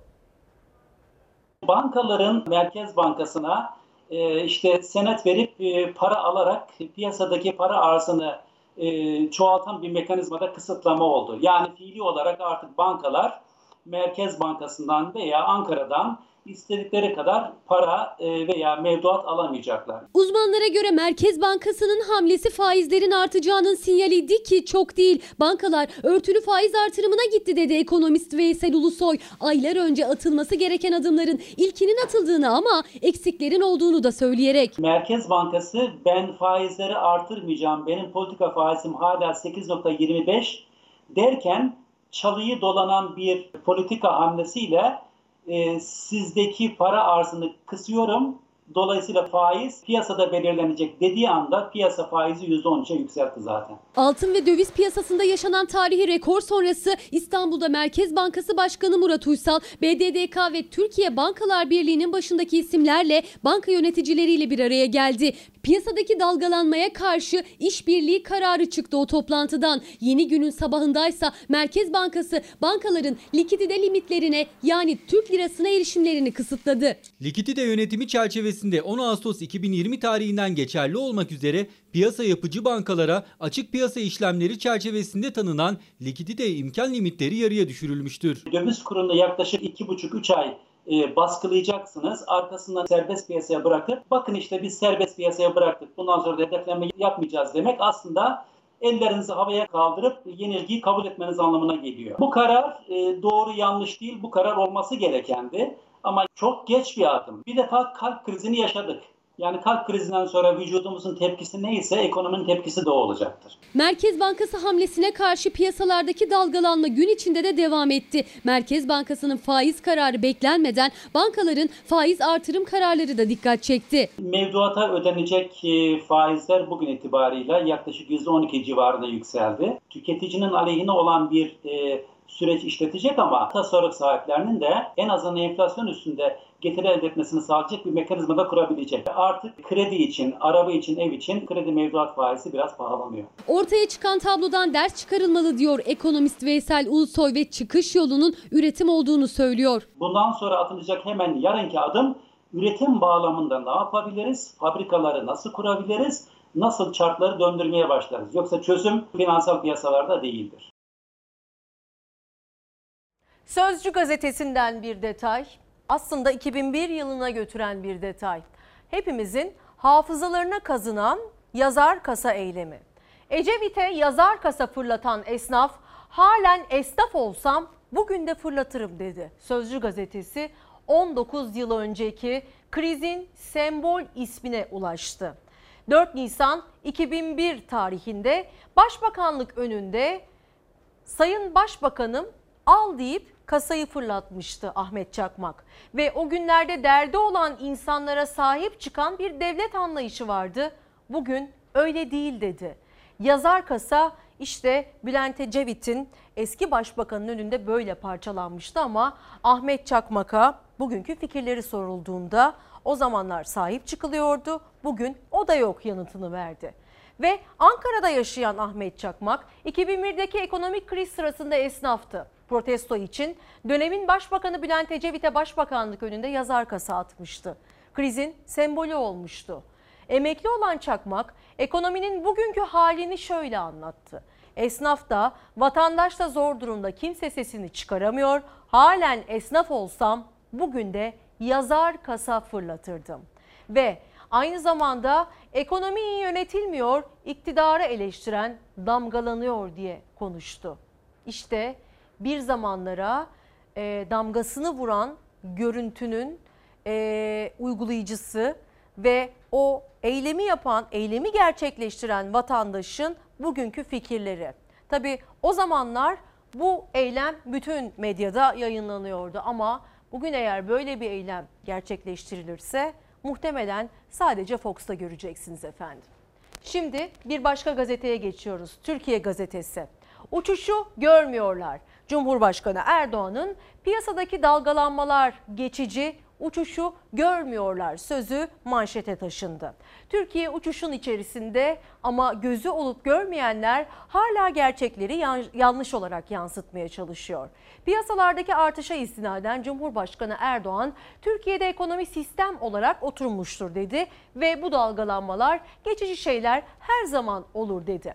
Döviz rezervine istinaden Merkez Bankası'nın döviz rezervi 105 milyar dolar Türkiye dimdik ayakta dedi ki döviz rezervi meselesini açıkladığı sıralarda e, döviz rezervine istinaden Merkez Bankası başka veriler paylaşmıştı. Onu da birkaç gazete sonra sizlerle paylaşacağız efendim. Ve diğer başlıklarını da sizlerle paylaşmıştık. Siyasi konularla alakalıydı. Şimdi sizden gelen birkaç mesajı okurken ya da ondan önce Karar Gazetesi'nden bir detay göstermek istiyorum. Evet. Berat Albayrak'la alakalı bir haberimiz vardı. Çok özür diliyorum. Görevimiz bakanı değil Türk lirasını korumak dedi. Gelecek Partisi lideri e, Ahmet Davutoğlu. Davutoğlu Berat Albayrak'ın Hazine ve Maliye Bakanı'nın e, sorumlu olduğu Türkiye ekonomisinden yola çıkarak aslında bu açıklamayı yaptı. Yasakların yoksulluğun ve yoksuz yolsuzluğun esiri oldular. Bunlarla mücadele edenlerle mücadele ediyorlar. Sosyal medya kampanyalarına alıştılar. Neymiş? Emperyalistlere karşı Hazine Bakanı'nı koruyacakmışız. Bizim görevimiz bir bakanı korumak değil, Türk lirasını korumak dedi eski başbakan ve şimdiki Gelecek Partisi lideri Ahmet Davutoğlu. Cumhurbaşkanı Erdoğan'ın en yakın yol arkadaşlarından biriydi. Cumhurbaşkanlığı sistemiyle ekonomi uçacak dediler. Türk lirası 2 yılda %60 değer kaybetti. Türk, Türk, lirayı, Türk lirasını bu seviyeye düşürenler milli ekonomiden söz edemezler ve millete karşı ihanet içindeler açıklamasını yaptı. Berat Albayrak hem ana muhalefetten hem ana muhalefet mensubu milletvekillerinden hem de diğer partiler tarafından çokça eleştiriliyor. Tabii ki kamuoyunda da sert eleştiriler var. Ancak Cumhurbaşkanı Erdoğan damadı Hazine ve Maliye Bakanı Berat Albayrak'a sahip çıkıyor. Hani hep paket açıklıyor ya. En büyük paket damadı paketleyip göndermek. Kayınpederi paketleyip göndermiyorsa günü geldiğinde seçmen zaten damatla kayınpederi birlikte paketleyip gönderecek. Ekonomi, Hazine ve Maliye Bakanımla ilgili yaptıkları karalamalar, şunlar bunlar vesaire bunların hepsi Bunlar yetişemedikleri yüzüme kork diyor. Ben hocayım sınıfta kalır ya. Herkesin sınıfında kalır. Bugünkü ekonomi yönetiminin notu sıfırı aşarsa büyük haksızlık olur. Toplumda ekonomik anlamda bir sıkıntı var. Şunu da görmek lazım. Samimi bir gayret gösteren Hazine ve Maliye Bakanı var. Döviz ve altındaki tarihi rekorlarla iktidar muhalefet hattında ekonomi tartışması alevlendi. Muhalefetin hedefindeki isim Hazine ve Maliye Bakanı Berat Albayrak. İstifa çağrıları var. Cumhurbaşkanı Albayrak'a destek verdi. Sırf kura bakmayalım. Mesela işsizlik rakamına bakalım. Mesela istihdama bakalım. Bir istifa çağrısı yapmak yerine bütün yaptıkları üzerinden bin kere istifa çağrısı yapmak lazım. Ya siz kör müsünüz? Türkiye bir tırmanışta. Ama bizim bu tırmanışımızı görmek istemeyen, gözü olup da görmeyenler var. Türk lirasının değer kaybı sadece dün %3 oldu. Sadece 2020 yılında bu içinde bulunduğumuz yılda %20 değer kaybetti. Saray rejimi başladığı günden bugüne 2 yıl içinde %57 değer kaybetti. Yani vatandaşın cebinde 100 lirası vardı. Saray rejimi geldi 57'sini aldı 43 lirası kaldı. Terörle mücadele böyle ücretsiz yapılmıyor. Ciddi manada harcamalarımız oluyor mu?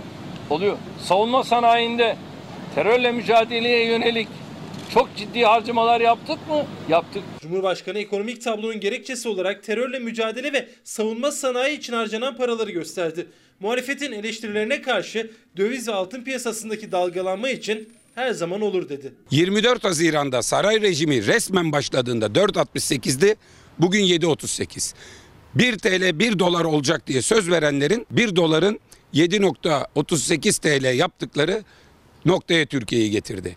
Taahhüt ettiklerinden 7 kat fakiriz. Rahat olmayın, rahat olun. Bazı zamanda tırmanışlar, bazen inişler biliyorsunuz şöyle yılbaşı itibariyle 10 liradan falan bahsediyor. Ama iş nerelere geldi? Şu anda bulunduğumuz noktalara geldi. Yani bunlar gelip geçici şeyler. Bu dalgalanmalar her zaman olur. Eğer Berat Albayrak ekonominin başında olmasaydı Bugün dolar euro yüksek diyoruz ama emin olun dolar 10 lira, euro 12 liraydı. Maliyeti 2001 krizinden daha derin ve daha geniş çaplı bir kriz sürecini yavaşlatılmış olarak yaşıyoruz. Bir fakirleşme süreci yaşıyor Türkiye. Döviz rezervine bakıyorsunuz 27,5 milyar dolardı göreve geldiğimizde. E şu anda ise 105 milyar dolar. Yani Türkiye bu noktada dimdik ayakta. 2002'de 1 milyon 88 bin. 2019'da ise 2 milyon 486 bin adet buzdolabı satıyor. Bazı sıkıntılar yok değil. 5 bin lira krediye muhtaç bir hale gelindi. Kirasını ödeyemeyen insanlar iflas ediyor. Berat Albayrak başarılı diyen Cemal Engin Yurt'un insanlar kirasını dahi ödeyemez noktaya geldi sözleri, muhalefetin eleştirilerine karşı Cumhurbaşkanı Erdoğan'ın iyimser çıkışı. Ekonomi sıcak başlık. Ve konuğumuz burada. Doktor Aa isminiz neydi? Tuğberk. Çitilci. Tuğca- Tuncay diye isim geliyor. Tuğberk Çitilci. Doktor Tuğberk Çitilci e, bir ekonomist Evet. ve aynı zamanda yatırım uzmanı da diyebiliriz. Evet. E, bizi iyi yönlendireceğinizi düşünüyorum. Tabii ki piyasaları çok yakından takip ediyorsunuz. Özellikle e, ekonomi yazarı Melih Okur da sizden görüş almamızı tavsiye etti. Dün telefonda konuşurken kendisi gelemedi ve sizi önerdi. E, ve Doktor Tuğberk Çitilci'ye eğer sorularınız varsa şimdiden yazmaya başlayabilirsiniz. Tuğberk Bey en başta şu tabloya göz atalım mı? Evet. Sevgili izleyicilerimiz, gram altının fiyatı 492 lira satışta. Çeyrek altının fiyatı 780 lira satışta. Ata altın 3422 lira 30 kuruş. Dolar 7.38 seviyesini gördü. Euro 8.75 oldu. Ciddi ciddi alarm veriyor gibi bir manzara var piyasalarda Tuğberk Bey. Siz ne düşünüyorsunuz bu konuda? Öncelikle bu yükseliş devam eder mi ve sürer mi? Aslında evet şu anda baktığımız zaman da sizin Evet. de dediğiniz gibi bir alarm devrede. Peki son bir haftada Türkiye'de ne oldu da Evet. dövizde, altında ve finansal varlıklarda çok sert bir çalkantı oldu. Burada yabancı yatırımcı Türkiye'den çıkıyor. Nasıl geldikleri zaman da dolarlarını bozdurup Borsa İstanbul tarafında hisse senedi alıp tahvil piyasasına girip kuru bozdurduktan sonra güven ortamına bağlı olarak aşağı çektikleri zamanda şimdi de kendi senaryolarında bazı riskler gördüğünden dolayı çıkıyorlar. Peki ne oldu da bu hale geldik? Yabancı çıkmak isterken TL bulunması gerekiyor elinde. Fakat düzenleyici otoritelerin bu yabancı bankaların TL'ye erişimlerini engellediklerinden dolayı bir ani TL sıkıntısı yaşandı. Ve yabancı da bankalardan temin edemediği bu TL'yi Borsa İstanbul tarafında daha öncelerden aldığı hisse senetlerini satarak TL yarattı. Yarattığı TL ile döviz aldı ve ani bir şekilde bu sıkışmaya girdiğinden dolayı kur tarafında yukarı yönlü bir hareket oldu. Ve yabancı çıktı. Aslında odaklanılması gereken yabancı yatırımcı neden Türkiye'den çıkıyor? Hisse senetlerine bakıyoruz. Gerçekten çok ucuz bankacılık sektöründeki hisse senetleri ama bu ucuzluk veyahut da bu yatırım hikayesi onları ikna etmiyor. İşte aslında burada buna odaklanmamız gerekiyor.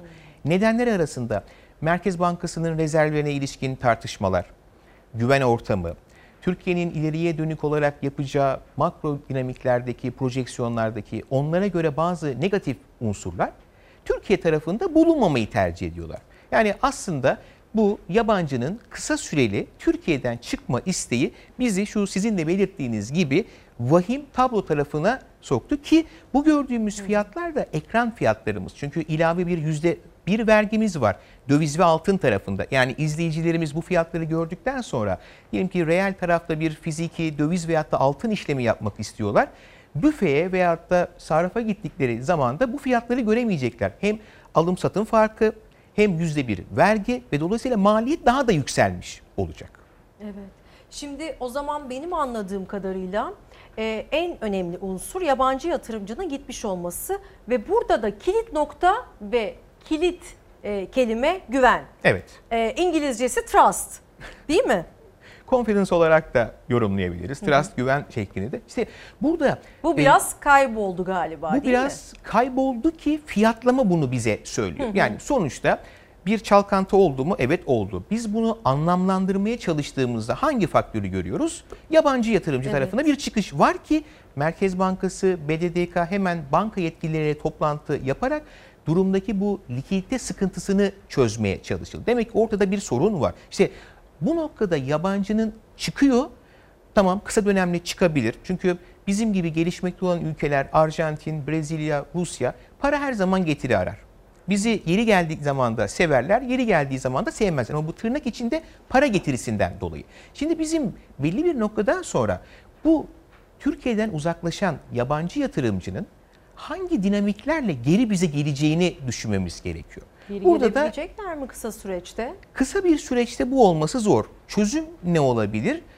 Orta bir dönemde makroekonomik dinamiklerle yeniden yapısal reformlar, Türkiye'ye yeniden bir yatırım hikayesi. Tabii bu bir anda sihirli değnek gibi olacak bir unsur değil. Önce program açıklanacak. Programa karşı yatırımcıların algısı nasıl olacak? Belli bir zaman aldıktan sonra devrilir. Çünkü şu anda evet ilk etapta nedenimiz yabancı yatırımcı çıkıyor. O şu anda bir negatif unsur olarak gözüküyor ama ülkenin diğer bir problemi döviz gelirimiz bulunmuyor. Döviz geliri demişken araya bir virgül koyalım. Kapalı çarşıya gidelim isterseniz Tuğberk Bey. Çünkü kapalı çarşıdaki hareketlilik ve e, bir türlü aslında önü alınamayan yükselişin de yansımasını bakarak oradan devam edelim ne dersiniz? Tamam. O zaman kapalı çarşıya gidiyoruz şimdi ve e, oradaki durumu e, gözlemliyoruz. Ama öncesinde koronavirüs salgınıyla alakalı bir haber mi var Öznurcuğum? Kapalı çarşıya gidiyoruz. Olan hepsi alacak. Kimse satmıyor yani. Herkes alıyor. Aldıkça yükseliyor piyasa. Altın almak için geldik. Sürekli değişiyor. Aslında altın alınacak zaman değil ama düğün için altın almaya geldik. Emekli maaşını alan dahil bu seviyede dövize koşuyor. E, doları satıyoruz, sattığımız fiyata yerine koyamıyoruz. Burası çok hareketli. Ben şu an şaşkınım. Birikimi olan da maaşını çeken de döviz bürolarına ya da kuyumculara koştu. Altın, dolar ve euro rekor tazeledi. Gram altın dün 487 lirayla tarihi zirvesini gördü. Dolar 7 lira 36 kuruş, euro ise 8 lira 75 kuruşla rekor kırdı. Günü ise bir miktar düşüşle kapattı. Sürekli değişiyor. Bir abi düğün yapacaktı onun için geldik. Telefonda konuştuk buraya geldik 10 dakika mesafede. Yani bayağı bir fark olmuş yani 20 lira öyle oynamış. Piyasanın nabzının tutulduğu önemli merkezlerden birinde Kapalı Çarşı'dayız. Kapalı Çarşı'da özellikle altına çok yoğun talep var. Bankadan alımlarda vergi ödemek istemeyenler fiziki altın almak için Kapalı Çarşı'ya akın etti. Yatırım için geldiniz. Yatırım için, yatırım için. Kaç gram almayı düşünüyorsunuz ortalama? Bir yarım kilo falan. Salgının kontrol altına alınamaması ikinci dalga endişesi tüm dünyada piyasaların ateşini yükseltti. Türkiye'de de iç piyasada son günlerde hiç görülmediği kadar hareketli. Hem döviz hem de yatırımcının güvenli limanı altın rekora doymuyor. Geçen yıl bu zamanlar 260 lira seviyelerinde olan gram altın neredeyse iki katına çıktı. Gram altın dün gün içinde 487 liraya kadar yükseldi. Çeyrek altınsa 850 lirayı gördü. Yaklaşılmıyor kuyumcuların yanına. Bak uzaklaştık gidiyoruz. Olan evlendireceğiz onun için geldik. 490 lira nasıl alacağız bir gramı? Bir çeyrek 850 lira. Kuyumculardaki fiyatlarsa kaydedilen rekorun da üstünde çıktı. Kapalı çarşıda her geçen dakika yoğunluk ve kalabalık artıyor işte bir döviz bürosunun önü. Altının gram fiyatı ise saatler 14'ü gösterdiğinde 500 liraya dayandı. İşte tabelada 498 lira yazıyor. Bizim yılbaşında beklediğimiz 2000 dolar seviyesi şimdilerde 2045 dolara, 2050 dolara gelmiş durumda. Beklentilerin de üstünde artış döviz cephesinde de yaşandı. Yıla 5 lira 87 kuruş seviyesinde başlayan dolar 7 lira 36 kuruşla zirvesini gördü. Gün içinde 7 lira 18 kuruşa kadar geriledi. Kur hareketleri baş döndürüyor. Özellikle dolar rekor üzerine rekor kırıyor. Kapalı çarşıda doların satış fiyatı 7 lira 42 kuruş, euronun satış fiyatı ise 8 lira 70 kuruş. Döviz bürosundan döviz bürosuna da fark ediyor. Hemen birkaç metre uzaktaki döviz bürosundaysa rakamlar biraz daha farklı. Doların satış fiyatı 7 lira 38 kuruş, euronun satış fiyatı ise 8 lira 69 kuruş. Tabi sürekli rakamlar değiştikçe döviz büroları da bilgileri yenilemek zorunda kalıyor. Dakikada bir tabela yenilemek zorunda kalıyor. Fiyatların hızına yetişemiyoruz. Kurlardaki yükseliş ilk etkisini gösterdi. Motorinin litresine 16 kuruş zam geldi. Tüm bunların olma sebebi Tuğberk Bey'e göre döviz girişinin olmaması en baş sebepti. Oraya bir virgül koymuştuk Tuğberk Bey. Neden döviz girişimiz yok? Sonuçta Türkiye bir gelişmekte olan ülke ve bu gelişmekte olan ülke vasfını da diğer ülkelerin tasarruflarının bize ihraç etmesiyle oluyor. Yani dışarıdakilerin birikimleri bize döviz olarak geliyor. Fakat son dönemde bu döviz girişinde pandemi dönemi öncesindeki bazı yapısal sorunlardan sıkıntı vardı. Pandemi dönemiyle beraber bütün dünya ekonomileri kapandığından dolayı ihracat ve turizm tarafında bütün ülkeler ciddi bir döviz kaybı yaşadı. E, Türkiye'nin de ana unsurunda döviz faktöründe turizm önemli bir gelir kaynağı olmasına rağmen evet. virüse bağlı olarak turizmden istenen döviz gelirimiz gelmiyor. E, ihracat tarafında Avrupa Birliği zaten hasta adam zor durumdaydı. Şu anda ihracat tarafında da oradan bir eski performans sağlanamadığından dolayı ülkeye döviz girmiyor. Ülkeye döviz girmediğinden dolayı yabancı para biriminde sıkıntımız var. İlave Merkez Bankası'nın özellikle pandemi sürecindeki finansal teşviği yani biraz daha basit anlatacak olursa para basması TL'nin bolluğunu arttırdı. Ve bu bol olan TL güven ortamındaki bazı negatif unsurlardan dolayı dövize ve altına kaydı. Onun için insanlar çok bankalar önünde kuyruğa girip kredi çekerek döviz veyahut da altın alıyorlar. Hı hı. Bu tabii bir eleştirebileceğimiz nokta evet. ama şu da var. Sonuçta kredi de bir kaldıraçtır, finansal kaldıraçtır. Tam da aslında bu haberden bahsediyorsunuz. Evet. Şu anda e, eminim ki bizi izleyen vatandaşlarımızın arasında da bir an önce kredi çekeyim, en azından altına dövize yatırayım, kar edeyim diye bir panik hali var. Evet. Siz bunun doğru olduğunu düşünüyor musunuz? Şöyle, Çünkü... şimdi cebinizde kredi kartı var kredi kartı aslında bir kaldıraç değil mi? Olmayan bir parayla bir harcama yapıyorsunuz. Evet. Ay sonunda da ödüyorsunuz. Eğer ödemezseniz zaten sıkıntıya giriyorsunuz. Kredi de aslında bir kaldıraçtır. Eğer siz bu çektiğiniz krediyi çektiğiniz döneme bağlı ödeyebilecek finansal güçte iseniz, iseniz bunu yapabilirsiniz. Hı hı. Ama bir anda aşırı bir hızlı kolay para kazanma güdüsüne kapılıp hemen bankaya gideyim, kredi çekeyim, bunu dövize altına döneyim, oradan kar elde edeyim dediğiniz ve krediyi de ödeme potansiyeliniz yoksa ama bu yapılabilecek kendi finansal sonunuzu hazırlamanın en baş unsurudur. Yani bu yine iş güvene çıkıyor. Eğer kendinize güveniyorsanız yapabilirsiniz. Sizin tercihiniz diyorsunuz. Tabii ki de. Ama güvenme, güvenmiyorsanız eğer kendinize bu riskli ortamda girmeyin Girmeyin. Ama şu da var. Tabii burada vatandaşı da çok eleştirmemek gerekiyor. Çünkü Türkiye'nin yakın zamanki DNA'sındaki işlemlere baktığımız zaman hı hı. hep bir döviz altın hassasiyeti vardır. İşte bu panik havasının oluşmadan önceki yapılabilecek aksiyonlar ve insanların neden bu döviz ve altına yöneldiklerindeki problemler çözülmesi gerekiyor. Çünkü kredi çekiliyor, döviz tevdiat hesaplarına bakıyoruz. 240 milyar dolara yaklaşmış durumda.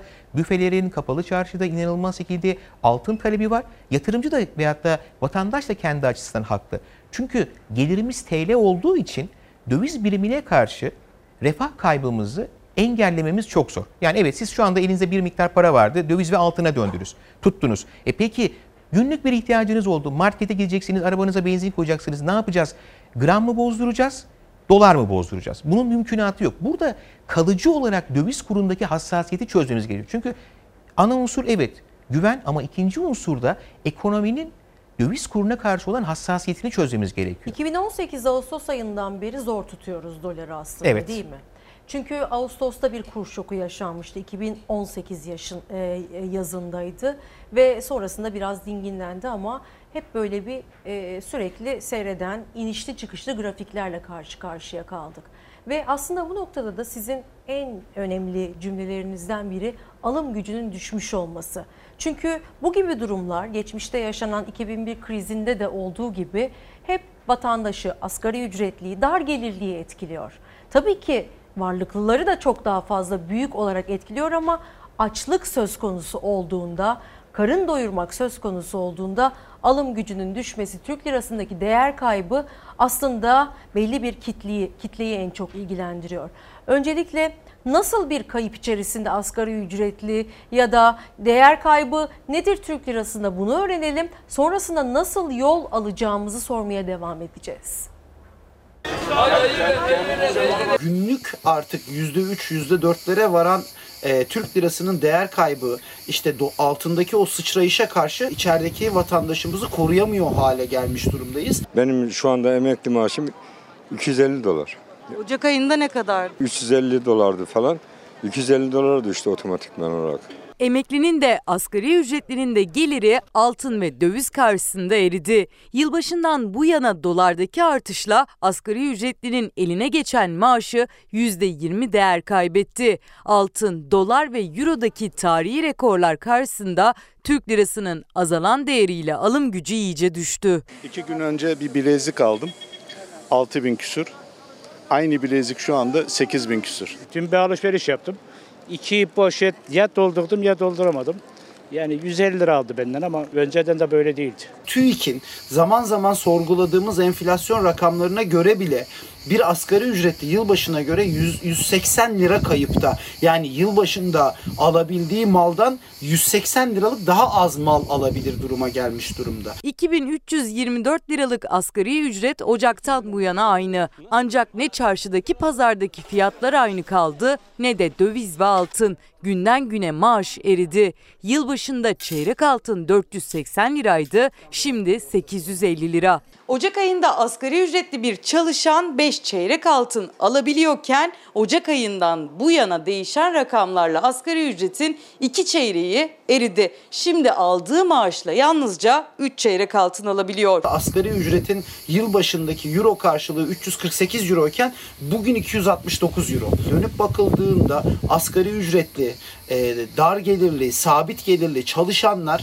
yılbaşına göre hemen hemen bütün yatırım araçlarına göre ve dövize göre aslında satın alma güçlerini yitirmiş durumdalar. Ne kadar aldınız? Kilosu 35 lira.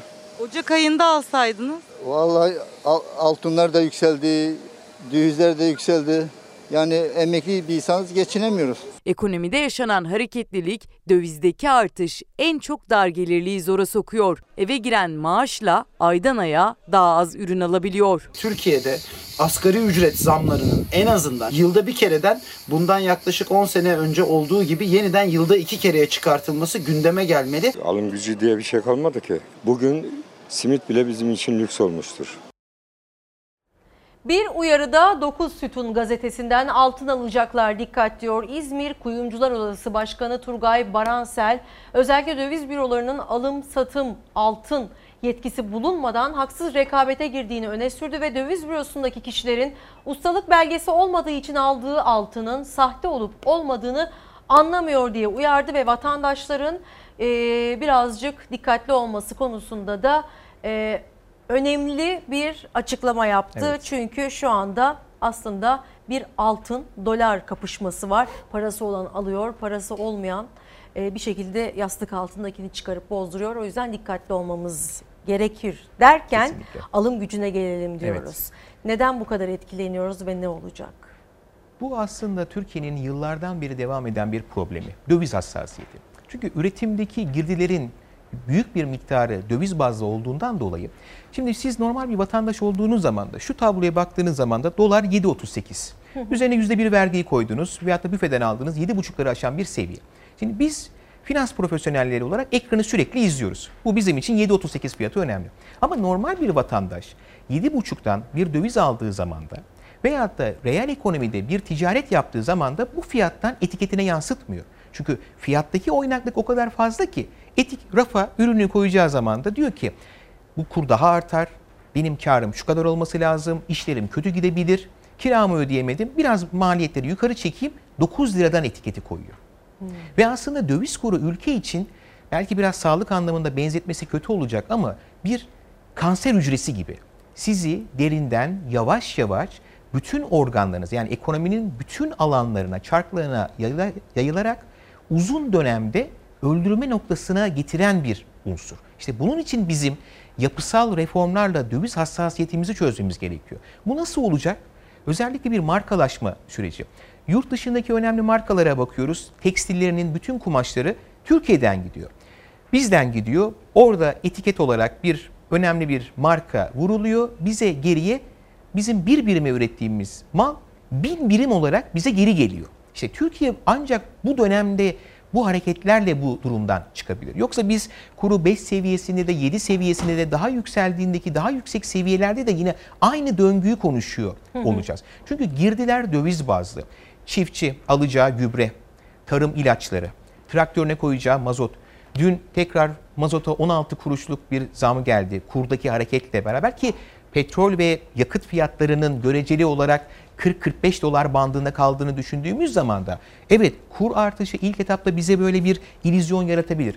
Ani yükseldi ama bunun ekonomiye, maliyetlere yansımasında acı bir durumu olacak. Yani biz e, üretime dayalı bir ekonomi politikası yürütmeliyiz ki, e, karma ekonomik modelini yürütmeliyiz ki e, bu çıkmazdan, çıkmaz gibi görünen bu durumdan çıkabilelim. Ama aynı zamanda e, üzerine basa basa vurguladığınız bir şey var ki e, ithalat, e, ihraç ettiğimiz ürünler ve e, bizim kendi ürünümüze yeteri kadar sahip çıkamamamız. Bir de Karar Gazetesi'ne baksak aslında sizi e, Korkusuz Gazetesi'ne sormuş olalım size. Bu arada çok fazla mesaj var. Sizden gelen birkaç mesajı da okuyacağız ama şimdi işte tüm tüketicilerin korktuğu başlıkla karşı karşıyayız.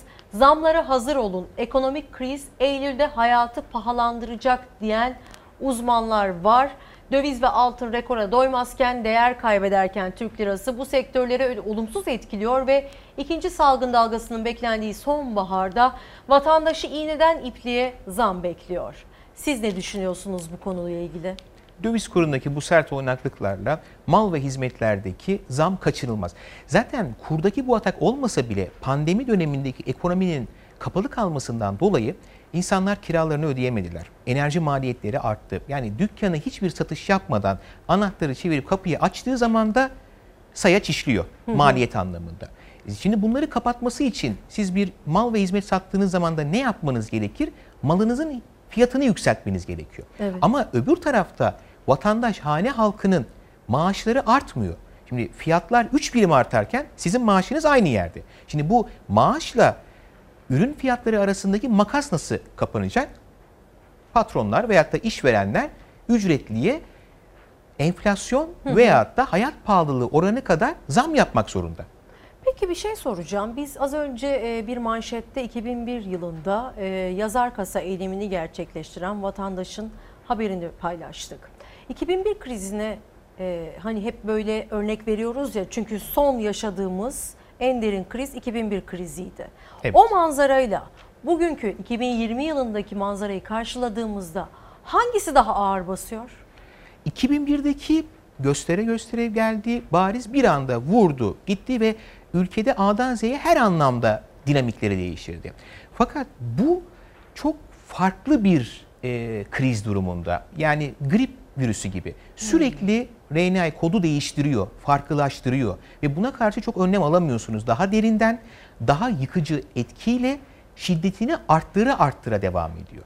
Keşke negatif anlamda olabilecek kötümser senaryo olsa ne olduğunu anlayalım. Ondan sonra çıkış için senaryoları veyahut da yapılabilecekleri konuşmak gerekiyor. Ama şu anki süreç çok yıkıcı bir şekilde devam ediyor. Satın alma gücü paritesinde geriliyorsunuz. Yani bu vatandaşın anlayacağı dilden refah kaybı. Yani fakirleşiyorsunuz bir birim ürün alabilecekken şimdi 0.8 birim alabiliyorsunuz. Ve bunu tasarruf yaparak da kapatamazsınız. Eskiden ne olurdu?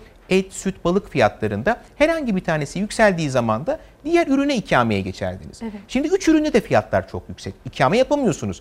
E, tasarruf yapmaya çalışsanız e hangi alandan tasarruf yapacaksınız? Eskiden belli başlı ürünlerde fiyat artış, zamlar vardı. Bunlara karşı bir e, savunma mekanizması oluşturuyordunuz, hı hı. tüketmiyordunuz. E şimdi A'dan Z'ye bütün ürünlerimi tüketmeyeceksiniz, böyle bir şey yapamayacaksınız.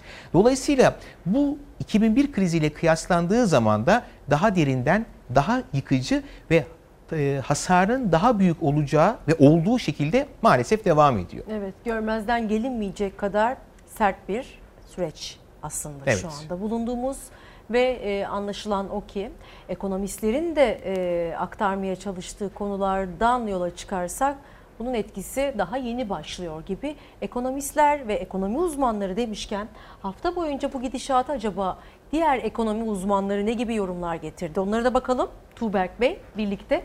Profesör Veysel Ulusoy dedi ki ekonomide bir başarısızlık varsa sorumlusu onu yönetenlerdir. Halk cebine dokunan her durumda eleştirisini, eleştirisini yapar. Çünkü fakirleşendir o dedi Veysel Ulusoy.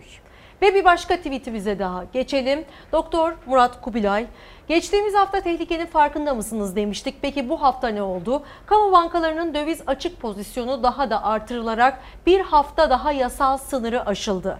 Dolar kurundaki hızlı artışla birlikte bu pozisyondan büyük zarar yazıldı. Kimin parasıyla? Vatandaşın yorumunu getirdi. Ve bir başka tweet Doçent Doktor Oğuz Demir en başından bu yana borçlanmayı yani düşük faizi baz alan canlanma krizden çıkış politikasının yanlışıydı. Yanlıştı. Hep söyledik gelir artışı da desteğine odaklanılması gerektiğini söyledik. Şimdi istesin ya da istemesin yine kurtlar sofrasındaki kuzuya döndü Türkiye Cumhuriyeti Merkez Bankası. Başka tweetimiz var mıydı? Mahve İlmez. Mahve Hoca da diyor ki ekonomide gelinen yanlış sonuçların çoğu ön kabullerin etkisinde kalınarak nedenler yerine sonuçlarla uğraşmaktan kaynaklanır diyor. Ve tabii ki ekonomi yazarı Melih Haukur'un da çok fazla yorumu var ama onun tweetlerine yer vermiyoruz bugün. Çünkü onu burada ağırlayacağız. Ee, siz işte görmüş olduğunuz evet. diğer ekonomi uzmanlarımızın e, açıklamalarıydı. Tabloyu başka nasıl değerlendirebiliriz? Tablo aslında şöyle, evet sanki burada e, vatandaş tarafında pandemi sürecini değerlendirmek lazım. Şu anda zaten Mart döneminden beri evde daralmış, bunalmış, ekonomik anlamda bir kıstas içine e, sıkıntıya girmiş bir hane halkı vardı. Şu anda yazlık yerlerde bir deşarj oluyor. Evet. Ve şu anda onlara teşekkür ediliyor. Çünkü ekonomik aktiviteye bir e, hareket sağladığından dolayı. Ama bunun bir de sonbahar veyahut da olası dönemler yaklaştığında pandemiye sağladıkları negatif durumdan dolayı bu teşekkürlerimiz birazcık e, sert eleştirilere yönelecek. Ama burada vatandaşa da çok kızmamak gerekiyor. Çünkü Türkiye'nin yakın tarihine baktığımız zaman da herkesin hayali iki anahtar. Bir ev alayım, bir araba alayım. E, kamuda bu potansiyeli gördüğünden dolayı ekonomik aktiviteyi canlandırmak için kredi musluklarını açtı. Evet. Yani ülkeyi bol likiditeye boğdu. E insanlar da baktı. Tamam faiz oranları düşük dedi. Bir araba alayım dedi. Fiyatı artıyor dedi. Bir ev alayım dedi. Önemli. Ama şunu düşünmüyor. Daha sonra ödeyemezsem ne olur? Ödeyemem. Zaten üzerimde diyor çok fazla diyor bir mal yoktur diyor. Hiçbir şey yapılamaz diyor. En kötüsü diyor ödeyemem diyor. Çünkü işte burada ileriye dönük beklentilerde de biraz karamsarlık var. Yani bu noktada da o zaman önümüzdeki süreçte bir icra dalgası da olacak. Şimdi eğer bu verilen temel destek kredisindeki 6 ay süre geçtikten sonra veyahut da sonbaharda istenmeyen bir şekilde bu koronavirüsün ikinci dalgası yeniden sokağa çıkma yasaklarının devreye girmesi, ekonomik aktivitenin durması, e, insanların bu döviz kuruyla artan maliyetlerini fiyatlarına, maaşlarına yansıtamadıklarından dolayı eğer kredi ödeme güçleri yoksa sadece o anlık kısa süreli o ucuz kredinin cazibesine kapıldılarsa bizi ilerleyen 12 aylık dönemde evet. hem vatandaş tarafında kredilerini ödeyememe hem de bankalar tarafında bu verdikleri kredileri tahsil edememe problemi başlayıp tekrar finansal sistem sorununa ilişkin sıkıntılar devreye girecek. İşte belki yabancı bu riskleri gördüğünden dolayı Türkiye'deki bankacılık hisse senetlerine ilişkin görüşünü negatife çekiyor, hisselerden çıkıyor, satıyor ki bu kadar ucuz olmasına rağmen. Demek ki biz biraz daha miyop olarak bakıyoruz. Yani anlık olarak durumları değerlendiriyoruz. Ama yabancı veyahut da kurumsal yatırımcılar bizden biraz daha uzak perspektife bakıyorlar. Bir üç ay, bir, yıl sonrası ne oluyor? Büyük resmi görmeye çalışıyorlar. Demek ki onlar büyük resimde bazı sıkıntılar görüyor ki bu şekilde hem finansal taraftaki fiyatlarda ciddi anlamda bir türbülans yaşıyoruz. Yani bu türbülans olmasaydı insanları panik havasına sokan bu 3-4 günlük periyotta siz döviz kurunda, altında bu kadar sert yukarı yönlü hareketler olursa hı hı. ve panik havası da bir şekilde kontrol altına alınmazsa vatandaşın en doğal yapacağı 80'lerde de böyleydi, 90'larda da böyleydi. Döviz bürosuna gitmek veyahut da altın almak. Evet. Çünkü onların da yapabileceği çok sınırlı. Bankaya parasını mevduata koysa zaten enflasyon altında faiz alıyor. Negatif faiz parasının değerini koruyor. Bazısı yatırım için yapıyor, bazısı da parasının alım gücünü korumak için bu şekildeki aksiyonlara yöneliyor. Evet. Bir de gitmeden önce şunu sormak istiyorum. Ee, düşecek mi? Düşer mi sizce bu seviyenin altına yoksa yükseliş sürer mi? Düşmesi fiyat olarak düşebilir. Herhangi bir merkez bankası müdahale yapar, faiz arttırım sinyali verir, 7 seviyelerine doğru çekilir. Ama bu finans tarafını ilgilendiren kişiler için. Reel ekonomi tarafında bu kur oturdu. Şimdi biz bunun maliyetlere yansımasını yapacağız. Çünkü insanlar anlık olarak koyduğu mal ve hizmetin etiketini değiştirmiyor. Yani evet. kur 7.40'tı. Siz 10 liraya etiket koydunuz. Kur 7 liraya düştü. 10 liralık etiketinizi kurdaki düşüş kadar aşağıya çekmiyorsunuz. Çünkü ileriye dönük olarak beklentiniz bozuk olduğu için kuru 9'dan belki daha yüksek bir seviyeden fiyatlayıp etikete koyuyorsunuz. Ve genel olarak da Türkiye'de yükselen fiyatların düştüğü çok görülmediğinden dolayı bu fiyat katılık olarak yapışıyor. Bu da enflasyonu halk arasında da hayat pahalılığını yükseltecek bir şekilde devam ediyor. Bu arada Yalçın Karatepe demişti ki savaşta barut kalmaması olarak özetleyebiliriz bu gidişatı demişti. Şu anda bunu kurtaracak bir rezervimiz var mı?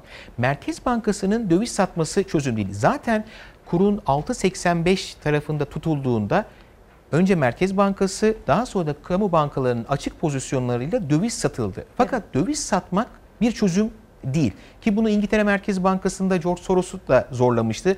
Pound'u çok aşırı bir değer kaybına zorlamış. Yani bu dünyada yapabileceğiniz bir unsur değil. Bunu yaparsa FED yapabilir ancak. Çünkü Yani. dolar ve rezerv para. Ama bizim bunu yapabilecek finansal sistem içinde gücümüz yok. Kısa dönemli sihirli bir değnek var mı? İki unsur var. Acil bir dış kaynak bulunması gerekiyor. Ama o dış kaynak konusunda da e, siyasi doktrinden dolayı kısa sürede bir e, çözüm olma ihtimali zayıf. İki, Türkiye Cumhuriyet Merkez Bankası bir faiz arttırım sinyali veyahut da aksiyonu verebilir ama bu da şu anda zaten zorda olan ekonominin büyüme aktivitesinin kredi yani ucuz krediyle desteklenme sürecinde bu faiz arttırımı da olmaz. Zaten şu anda mortgage kredilerinde faizler 0.64'lerden bir seviyesine doğru çekildi. Alabileceğiniz kredi oranları düştü. Bir de bunun üzerine siz faiz arttırıp kredi maliyetlerini de yükseltirseniz olacak durumda değil. Evet. Son olarak bir de gümüş yükselişte. Seyircilerimizden soru geliyor. Gümüş alalım mı diye. Çünkü altın zaten yükseleceği kadar yükseldi. Gümüş alırsak kar eder miyiz diye soruyorlar.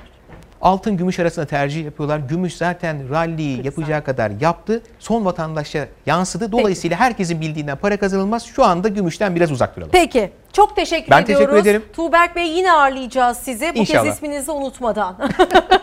Çok teşekkür ediyoruz. Reklama gidiyoruz. Dönüşte buradayız. Saat 10.30 oldu. 8 Ağustos 2020 sabahında birlikteyiz efendim. Çalar Saat hafta sonuyla gündeme bakmaya devam ediyoruz. Hashtagimiz bilemiyorum. Merve İldirim TV, Twitter ve Instagram'dan attığınız mesajları paylaşmaya devam edebilirsiniz. Bugün hava durumuna bakarak başladık. Yurdumuzun genel tablosunda hava durumumuz nasıl olacak? Aslında şunu söyleyebiliriz. Sıcaklıklarda ciddi bir e, dikkat çekici bir değişiklik olmayacak.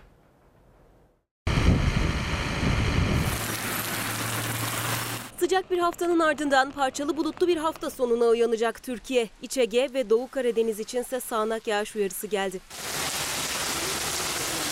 Meteoroloji Genel Müdürlüğü İç Ege için özellikle de Balıkesir, Kütahya ve Bursa çevresi için gök gürültülü sağanak yağış uyarısı verdi.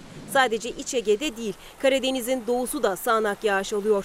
Meteoroloji Genel Müdürlüğü Artvin çevreleriyle Ordu, Giresun, Trabzon ve Rize'nin iç kesimlerinin yerel olmak üzere sağanak ve gök gürültülü sağanak yağışlı olacağını duyurdu. Batı Karadeniz'de Marmara'nın Karadeniz kıyılarında ve Kuzey Ege'de de sert rüzgar var. Bu bölgelerde yaşayanların önlem almalarında fayda var. Hava sıcaklığında ülke genelinde önemli bir değişiklik olmayacak. Sadece yağış alan İç Ege'de 2 ile 4 derece azalabilir. Marmara'da ortalama 31-32 derece, Ege ve Akdeniz'de 32-34 derece, İç Anadolu ve Doğu Anadolu'da 33-35 derece civarında olacak. Karadeniz'de bölgenin doğuyla batısı arasında değişiklik gösteriyor sıcaklık. Batı Karadeniz'de yer yer 35 dereceye ulaşan sıcaklıklar iç kısımlarda ve doğuda 30 dereceye kadar düşüyor. En sıcak bölge elbette Güneydoğu Anadolu. Termometreler Diyarbakır'da 40, Şanlıurfa'da 43 dereceyi görüyor bugün.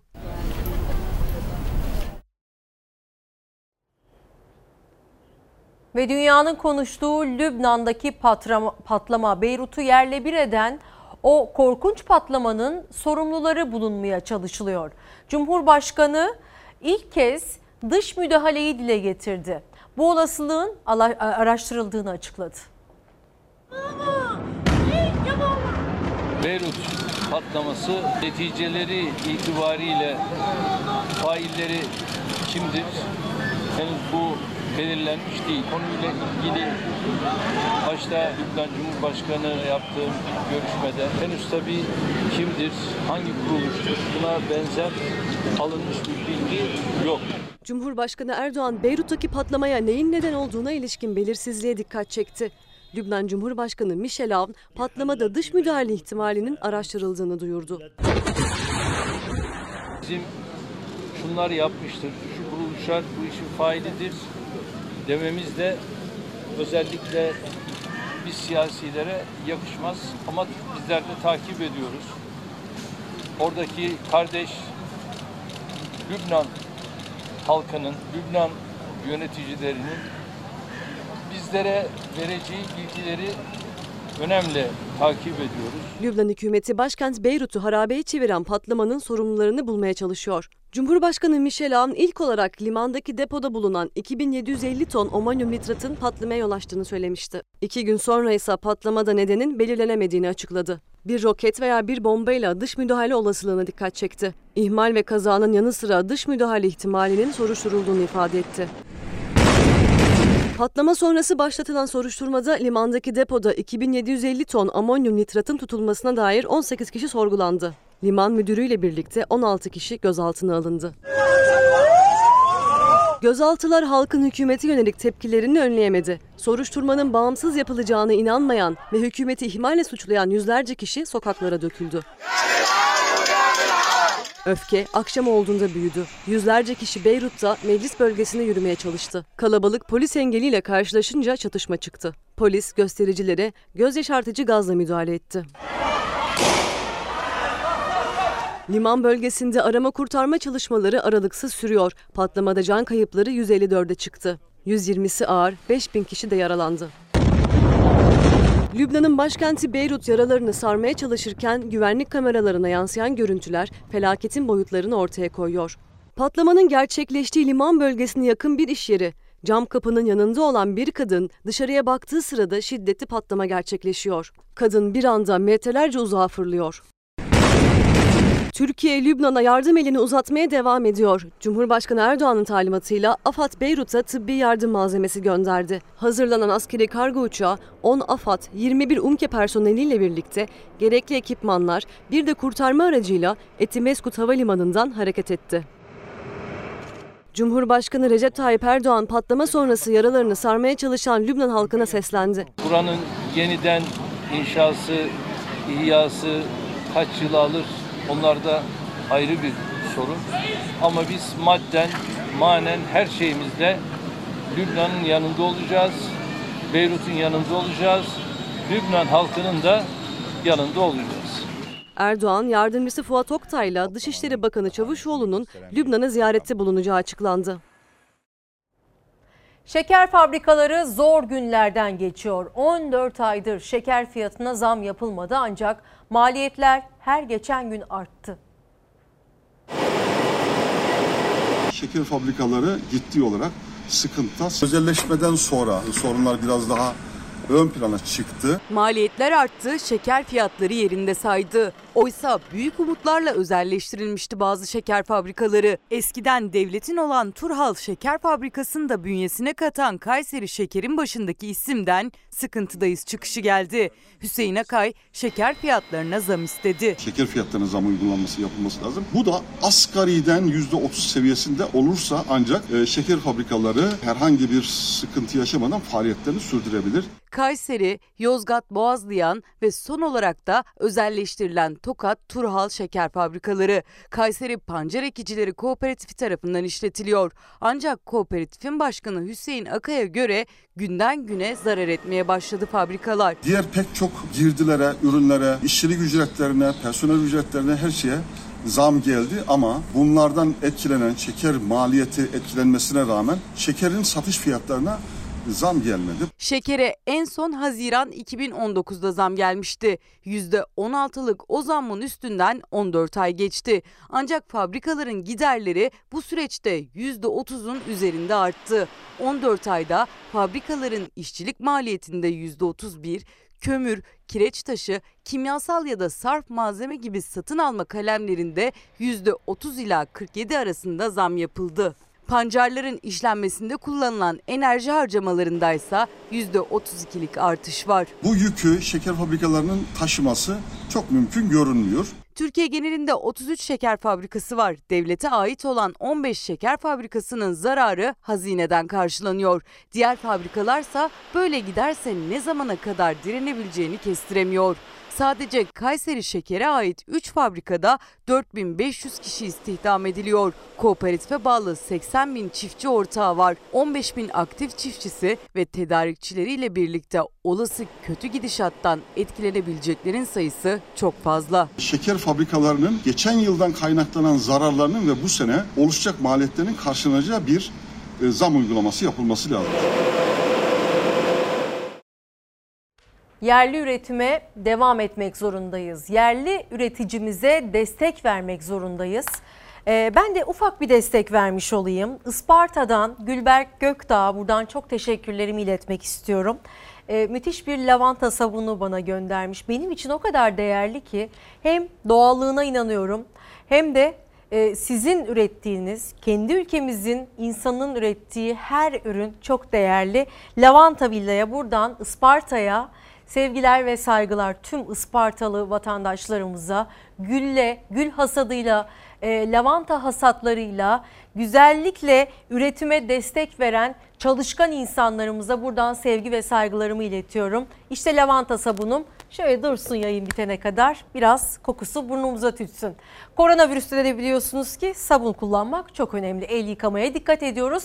Tedbirlere uyuyoruz. Maskelerimizi takıyoruz ve tabii ki kalabalıklardan uzak duruyoruz. Çünkü son tablo hiç iç açıcı değil. 1100'ün altına düşemiyor rakamlar ve iyileşen sayısı vaka sayısının ne yazık ki üstünde değil.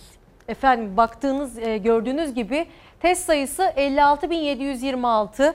Hasta sayısı dünün e, rakamlarıydı bunlar. Hasta sayısı 1185. Vefat eden vatandaşımızın sayısı dün itibariyle 15'ti ve iyileşen sayısı da 1028'di. Ne yazıktır ki iyileşen sayısı hasta sayısının üzerine çıkmadı. Bir dönem sadece toparlanmaya başlamıştık ama özellikle Kurban Bayramı sonrası yaz tatillerinin başlaması sonucu e, ve yoğun kalabalıkların yaşanabileceği e, kutlamaların, düğün, nişan gibi organizasyonların yoğun olduğu bir süreçte olduğumuz için belli açılışların ve belli davetlerin söz konusu olduğu bir süreçte olduğumuz için kalabalıklar ve mesafe kuralları unutuldu. Ama virüs aslında iyiden iyiye ciddi ciddi ikinci dalga mı, üçüncü dalga mı bilemiyoruz bunu ama kendini hissettiriyor. Bizim lütfen tedbirlere e, uymamız gerektiğini hem kendimiz unutmayalım hem de çevremize sık sık hatırlatalım. Kolonya eğer elimizi yıkayamıyorsa, yıka, yıkayamıyorsak e, kolonya, dezenfektan bunları ihmal etmeyelim ve gerçekten en önemlisi de kalabalıklardan uzak durmamız. Tam 54 bin kişi karantinada Türkiye'de ve karantina sayısı da gün gün artmaya devam ediyor. Bu hastalığı yaşayan yani kimse demesin ki ben Karantinadan böyle seslendi koronavirüs hastası. Son rakamları da İçişleri Bakanlığı açıkladı. Karantina genişledi. 32 ilde 4 belde, 37 köy, 39 mahalle ve 3 mezra olmak üzere 83 yerleşim yerinde karantina tedbiri uygulanıyor. Yani toplam 54 bin kişi karantinada. Apartman karantinasındayız. Karantinadaki yerlerden biri de Erzurum'daki bu apartman. Komşularının düğününe giden bina sakinlerine koronavirüs bulaştı. Apartmanda yaşayan herkes karantinaya alındı. O ihmalkarlıklarının pişmanlığını evlerinin penceresinden anlattı hastalar. Sakın sakın düğüne gitmeyin. Sakın. 6 aydır kendimizi koruyoruz. Komşu düğünü. Düğün salonuna gittik. Sadece bir ateş ölçüyorlar uzaktan düğün salonuna başka hiçbir şey yok. Covid de olsan anlaşılmıyor ki o cihazda. Ama o salonda 2-3 tane Covid vaka varmış. Yaptıkları hatayı çok geç anladılar. Bütün apartman karantinaya alınınca uyarıda bulundular. İnsanlar evlenecekmiş. Düğün yapacakmış. Bırakın ertelesinler biraz. Geç evlensinler. Nikah yapınca da evlenebilirsiniz. Ama kimsenin kul hakkına girmeyin. Ne uzmanların ne virüs acısını yaşayanların uyarıları çare oluyor. Kalabalıklar bir araya gelmekten hala çekinmiyor. Mardin ve İzmir'de de indirim izdihamı vardı. Havanın kapağı. Bir marketten ucuz ev eşyası alabilmek için birbiriyle yarıştı Mardinliler. Salgın olmasa da dikkat çekecek bu görüntüler tam da koronavirüste vakaların artışa geçtiği günlerde kaydedildi. Virüs unutuldu. İzmir'deki izdihamsa 30 kuruşluk kavanoz kapağı içindi. Ürünler birkaç dakika içinde tükendi. Sosyal mesafeyi hiçe sayanlarınsa pişman olup olmayacakları birkaç gün sonra belli olacak. Bu yoğunluksa aslında zorunlu bir kalabalık. Türkiye'deki izinlerini tamamlayan gurbetçiler yaşadıkları ülkelere dönmeden önce test noktalarına başvurdu. Edirne'de Kapıkule sınır kapısında oluşturulan PCR test noktalarında uzun kuyruklar oluştu. Saatlerce sıra bekleyenler de sosyal mesafeye dikkat etmedi. Sabah saat 8'den beri sabın işte 4-5 saat olmuş. Bu ben değil herkes bunu bekliyor. Dünyanın kabusu haline gelen koronavirüs salgınında can kayıpları 720 bini geçti.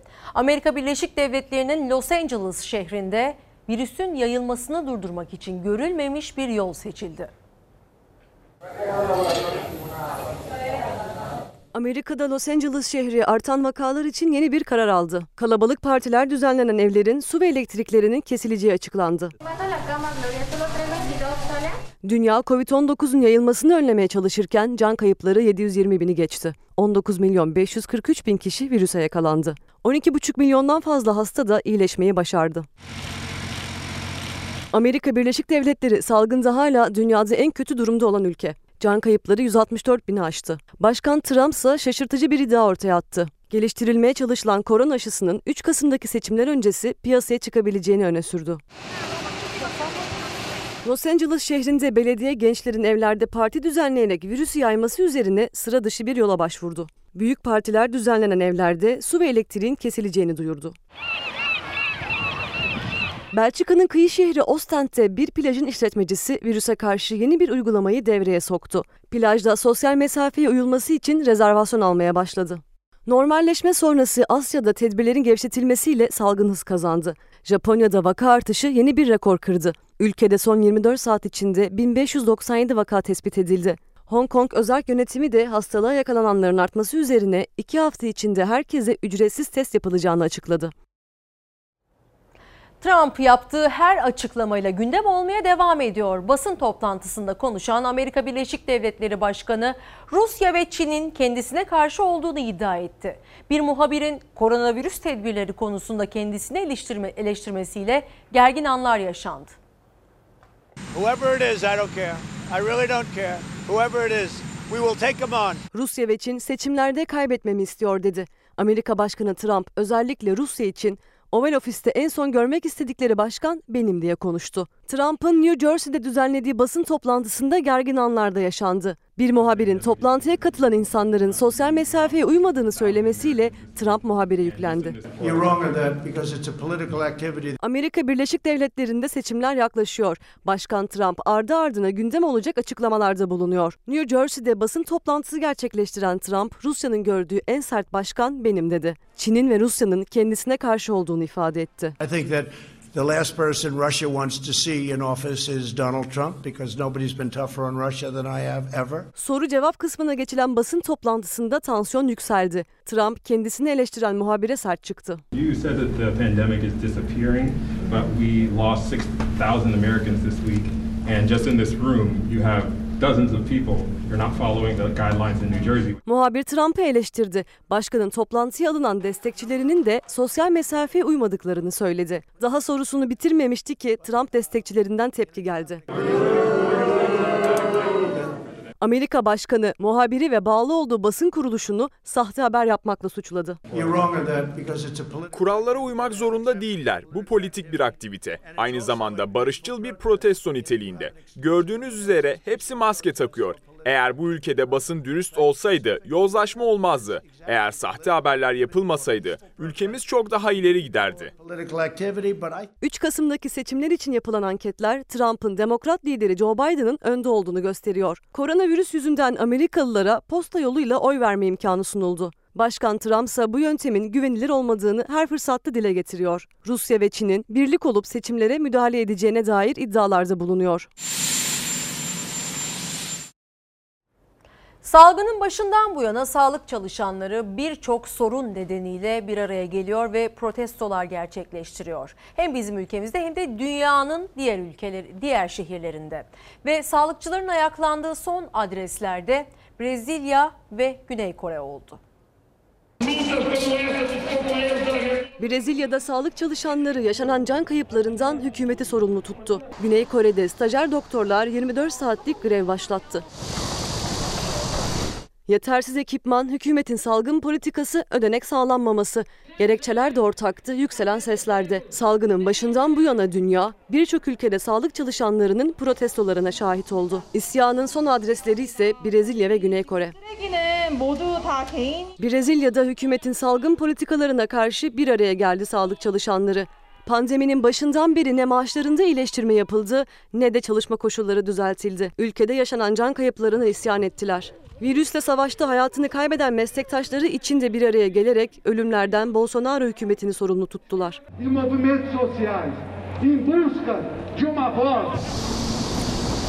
Güney Kore'de stajyer doktorlar 24 saatlik grev başlattı. Ülkede hükümet gelecekte yaşanabilecek salgınlara karşı tedbir almak istedi. Tıp fakültesine kabul sayısını yılda 400 artırmaya karar verdi. Stajyer doktorlarsa aşırı tedbirlerin hastalara zarar vereceğinde ortak paydada buluştu kararı protesto ettiler.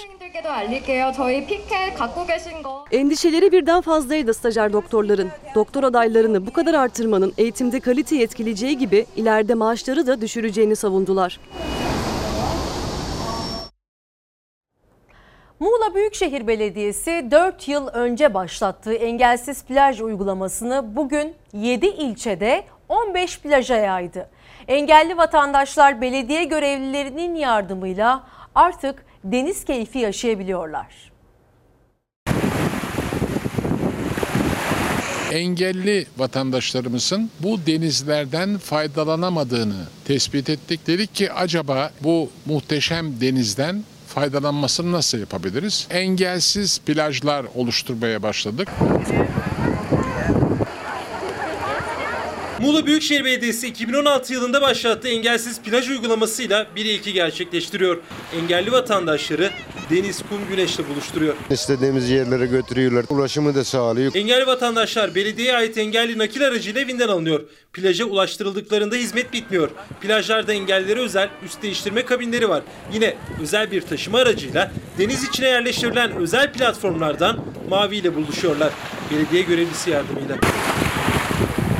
O plajlar kıyıda köşede değil, plajın en orta yerinde soyunma kabiniyle, özel araçlarıyla emniyetli bir şekilde gidebilmesini sağlayan rampalarıyla engelli e, vatandaşımız kendisini diğer vatandaşlarla eşit ve denizden faydalanma imkanı buluyor. Geliyorum burada gün, günümü vakitimi geçiriyorum. Hiç sıkılmıyorum. Bizim için şu an zök yaptılar. Engellilere özel. Muğla Büyükşehir Belediye'miz Osman Bugir Başkanımıza da teşekkür ederim. Engeller için şezlonglar ayrı engelsiz plajlarda, şemsiyelerde. İlk engelsiz plajımızı 2016 yılında Akyaka'da başladık. Şu anda 7 ilçemizde 15 engelsiz plajı çalıştırıyoruz. Onların yüzünde yarattığımız mutluluk gülüşü bizim için dünyaya bedel. Bu arada e, geçtiğimiz hafta Bodrum'daydım. E, Muğla'nın en önemli kentlerinden biri Bodrum. E, Belediye Başkanı Ahmet Aras'la da görüştük. E, hem Bodrum'daki e, belli yatırımlarla alakalı, belli yeniliklerle ilgili e, değişik haber başlıklarını aslında takip etmek istedim. Yönetilmesi gerçekten zor kentlerimiz arasında. Çünkü turizmin göbeği olan bir şehirden bahsediyoruz Muğla ve e, böyle bir gelişme olması özellikle engelli vatandaşlarımız için Doktor Osman Görün'ün e, başkanın yapmış olduğu bu atılımı gönülden kutluyorum ve tüm Muğla genelinde de özellikle Bodrum'da da yayılacağından şüphe duymuyorum. Çünkü e, önemli olan o güzelliklerimizi ve dünyanın eşsiz şehirlerinden birini iyi şekilde yönetebilmek ve iyi yatırımlarla canlandırabilmek tabii ki kendi vatandaşını en başta düşünerek ama özellikle Bodrum genelinde ve bu, e, Muğla genelinde ve özellikle de Bodrum'da bunun olduğunu söyleyebiliriz son zamanlarda. E, Posta gazetesinden bir detay gelecek şimdi. Film gibi eşsiz savunma. Evlenirken çiftler birbirlerine iyi günde kötü günde birlikte olacağız sözü verirler. İşte dün Konya'da kelimenin tam anlamıyla evlilik adlı hayat arkadaşlığının adeta kısa filmi çekildi. Burada güvenlik kamera, kamerasından e, bazı kareler görüyorsunuz. Bir kuyumcu düşünün Konya'da ve bu kuyumcuya iki silahlı soyguncu girdi. e, pompalı tüfeği iş yeri sahibi Abdullah Koyuncu'ya doğrulttu ve arkadaşı da altınları çantaya doldurmaya başladı. Sonrasında Abdullah Koyuncu'nun eşi Raziye Koyuncu bakın nasıl hareketlerle hırsızları gözaltına aldırdı.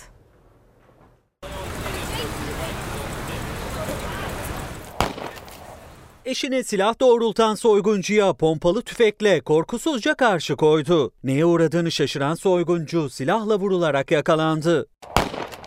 Ahmet'te Konya'da kuyumculuk yapan Abdullah Koyuncu'ya ait iş yerine müşteri gibi girdi. Soyguncu iş yeri sahibini oyalarken dışarıda bekleyen arkadaşı pompalı tüfekle dükkana girdi. Silahı kuyumcuya doğrulttu. Silahlar geldiler. Malları toparlayınca biz de mecbur silahımızla davrandık. Yüzü maskeli soyguncu kuyumcuyu etkisiz hale getirirken diğer şüpheli altınları çantaya doldurmaya başladı. Ancak iki şüphelinin soygun planı bu görüntüyle son buldu. Pompalıyı çeken şahsı vurdum. Öbürünü de yakaladım kaçmaması için. Aklıma geldi arkada silahımız vardı. Ben silahı çekince hırsızın benim orada olduğumdan haberi yoktu. Eşinin rehin alındığını gören Raziye Koyuncu iş yerinin arka kısmından aldığı pompalı tüfeği korkusuzca silahlı şüpheliye doğrulttu. Abdullah Koyuncu şüphelinin bir anlık dalgınlığından faydalanarak tabancayla soyguncuyu bacağından vurarak yaraladı. Eşi ise soğukkanlı bir şekilde şüphelilerin kaçmaması için dükkandan çıkarak kapıyı üzerlerine kapattı. Kuyumcu bir yaralı iki soyguncuyu etkisiz hale getirerek polise teslim etti. Hırsızlara büyük bir ders olsun. Herkes çarlısın. Alnının teriyle kazandığını yesin. Dubai'den 191 yolcusuyla havalanan Hindistan Hava Yolları'na ait uçağın inişi sırasında düştüğü bildirildi. İlk belirlemelere göre 16 kişi öldü, 123 kişi yaralandı. Yaralılar arasında durumu ağır olanlar var. 191 yolculu Hindistan uçağı iniş sırasında düştü. Kazada 16 kişi hayatını kaybetti.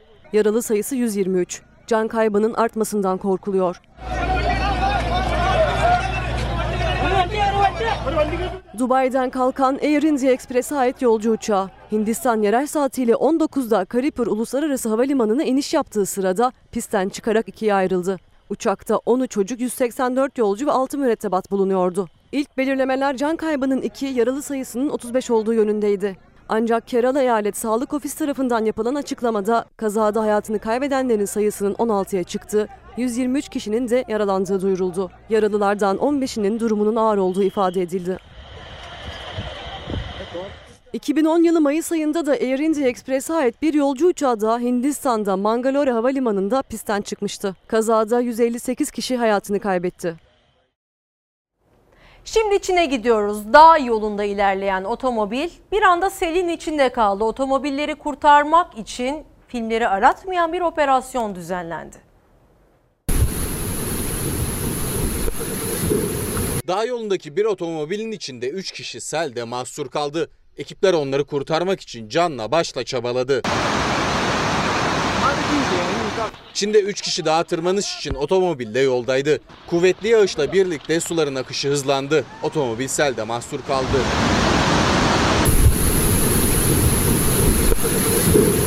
Çevredekilerin ihbarı üzerine arama kurtarma ekipleri bölgeye geldi. Akıntının şiddetine rağmen otomobildekileri halat yardımıyla kendilerine çektiler. Ölen ya da yaralanan olmaması büyük şanstı. Güneş gazetesinden bir detay geliyor. 90'lık dede virüsten kaçıp ağaç tepesine yerleşti. Elazığ'da oldu bu durum. Ee, Kültür Mahallesi'nde eşi Cemile Gürz'le birlikte yaşayan 90 yaşındaki Nusret Gürz 9 yıl önce evinin bahçesindeki dut ağacının üzerine kendi imkanlarıyla tahtadan bir ev yaptı. Ve sonrasında Covid-19 pandemisi sürecinde artık bütün vaktini orada geçiriyor. Koronadan korkup ağaç tepesine çıktı. Yaptığı ağaç evinde yaşamaya başladı. Elazığ'da 90 yaşındaki Nusret Gürs 9 yıl önce dut ağacına tahtadan bir ev yapmıştı. Hatta ağaç eviyle kendi evinin balkonu arasında bağlantı bile kurmuştu. Ama bu yılın başında Covid-19 salgını başlayınca çareyi o ağaç eve taşınmakta buldu. Gürs çoğu gece 5 metrekarelik ahşap evinde uyuyor. Apartmandaki evine ise kolay kolay gitmiyor. Kendisini ölümcül salgından işte böyle koruyor. İstanbul Ümraniye'de kaza yapan araçlardan biri merdivenlerde asılı kaldı. Sürücüsü ikinci tehlikeyi de araçtan inerken atlattı. İki otomobil çarpıştı, biri savruldu, merdivenlerde asılı kaldı. Otomobilin sürücüsü araçtan inmeye çalışırken ikinci şoku yaşadı. Araç merdivenlerden aşağı düştü. O ve çevredekiler ölümden kıl payı kurtuldu. İstanbul Ümraniye'de bir kavşakta karşılaştı iki otomobil kafa kafaya çarpıştılar. Aytekin Dikmen yönetimindeki otomobil savrulup merdivenlerde asılı kaldı. Işıklar ikisi aynı anda çalışmıyor. Bu arka taraftan gelen e, insanlar da korna çalınca orada bir kargaşa oluyor. O yüzden biz kırmızı ışıkta geçmek zorunda kaldık farkında olmadan. Tabii karşıdan gelen araçta bir kazaya karıştık. Çevredekiler hemen yardıma koştu. O sırada sürücü Dikmen de araçtan inmeye çalışıyordu. Tam kapıyı açtığı sırada otomobil kaydı. Merdivenlerin yanındaki bir başka otomobilin üzerine düştü. Kırmızıda geçince o araç yukarıdan aşağı devam ederken vurdu onu. Yardıma koşanlar otomobile biraz daha yakın olsa altında kalabilirlerdi. Ya da sürücü adımını dışarı atmış olsaydı kendi aracının altında ezilebilirdi. Neyse ki kimsenin burnu bile kanamadı. Sizden pek çok mesaj geldi. Bugün çok fazla yer veremedik. E, konuğumuzu ağırladık ama yarın sabah özellikle sizin fikirlerinizi ve düşüncelerinizi okumaya gayret edeceğiz burada. Bazen süre sıkıntısı olabiliyor tabii canlı yayında ama siz takipte kalın ve sizin sesinizi duyurmaya çalıştığımızdan da şüpheniz olmasın efendim. Şimdi reklama gidiyoruz. Bu sabaha birlikte başladık efendim yeni bir hafta sonu olacak hepimiz için. Dilerim ki Türkiye'miz ve dünyamız bize güzel haberler getirsin. Lütfen kalabalıklardan uzak duralım. Eğer tatil beldelerinde ya da köyünüzde, memleketinizdeyseniz bile bu kuralı ihmal etmeyelim. Çünkü çoğu kişide açık havadayız bir şey olmaz düşüncesi var ama açık havada, ormanda, dağda bile olsanız bu virüsün bulaşma riskinden kaçamıyoruz. Biraz daha sıkacağız dişimizi çünkü e, zor bir süreç. Dünya ile birlikte biz de yenmeye çalışıyoruz. Lütfen hem kendimiz hem de sevdiklerimiz için sosyal mesafe kurallarına, hijyen kurallarına özen gösterelim. Yarın sabah tekrar buluşacağız. Kendinize iyi bakın, sevgi ve saygıyla kalın.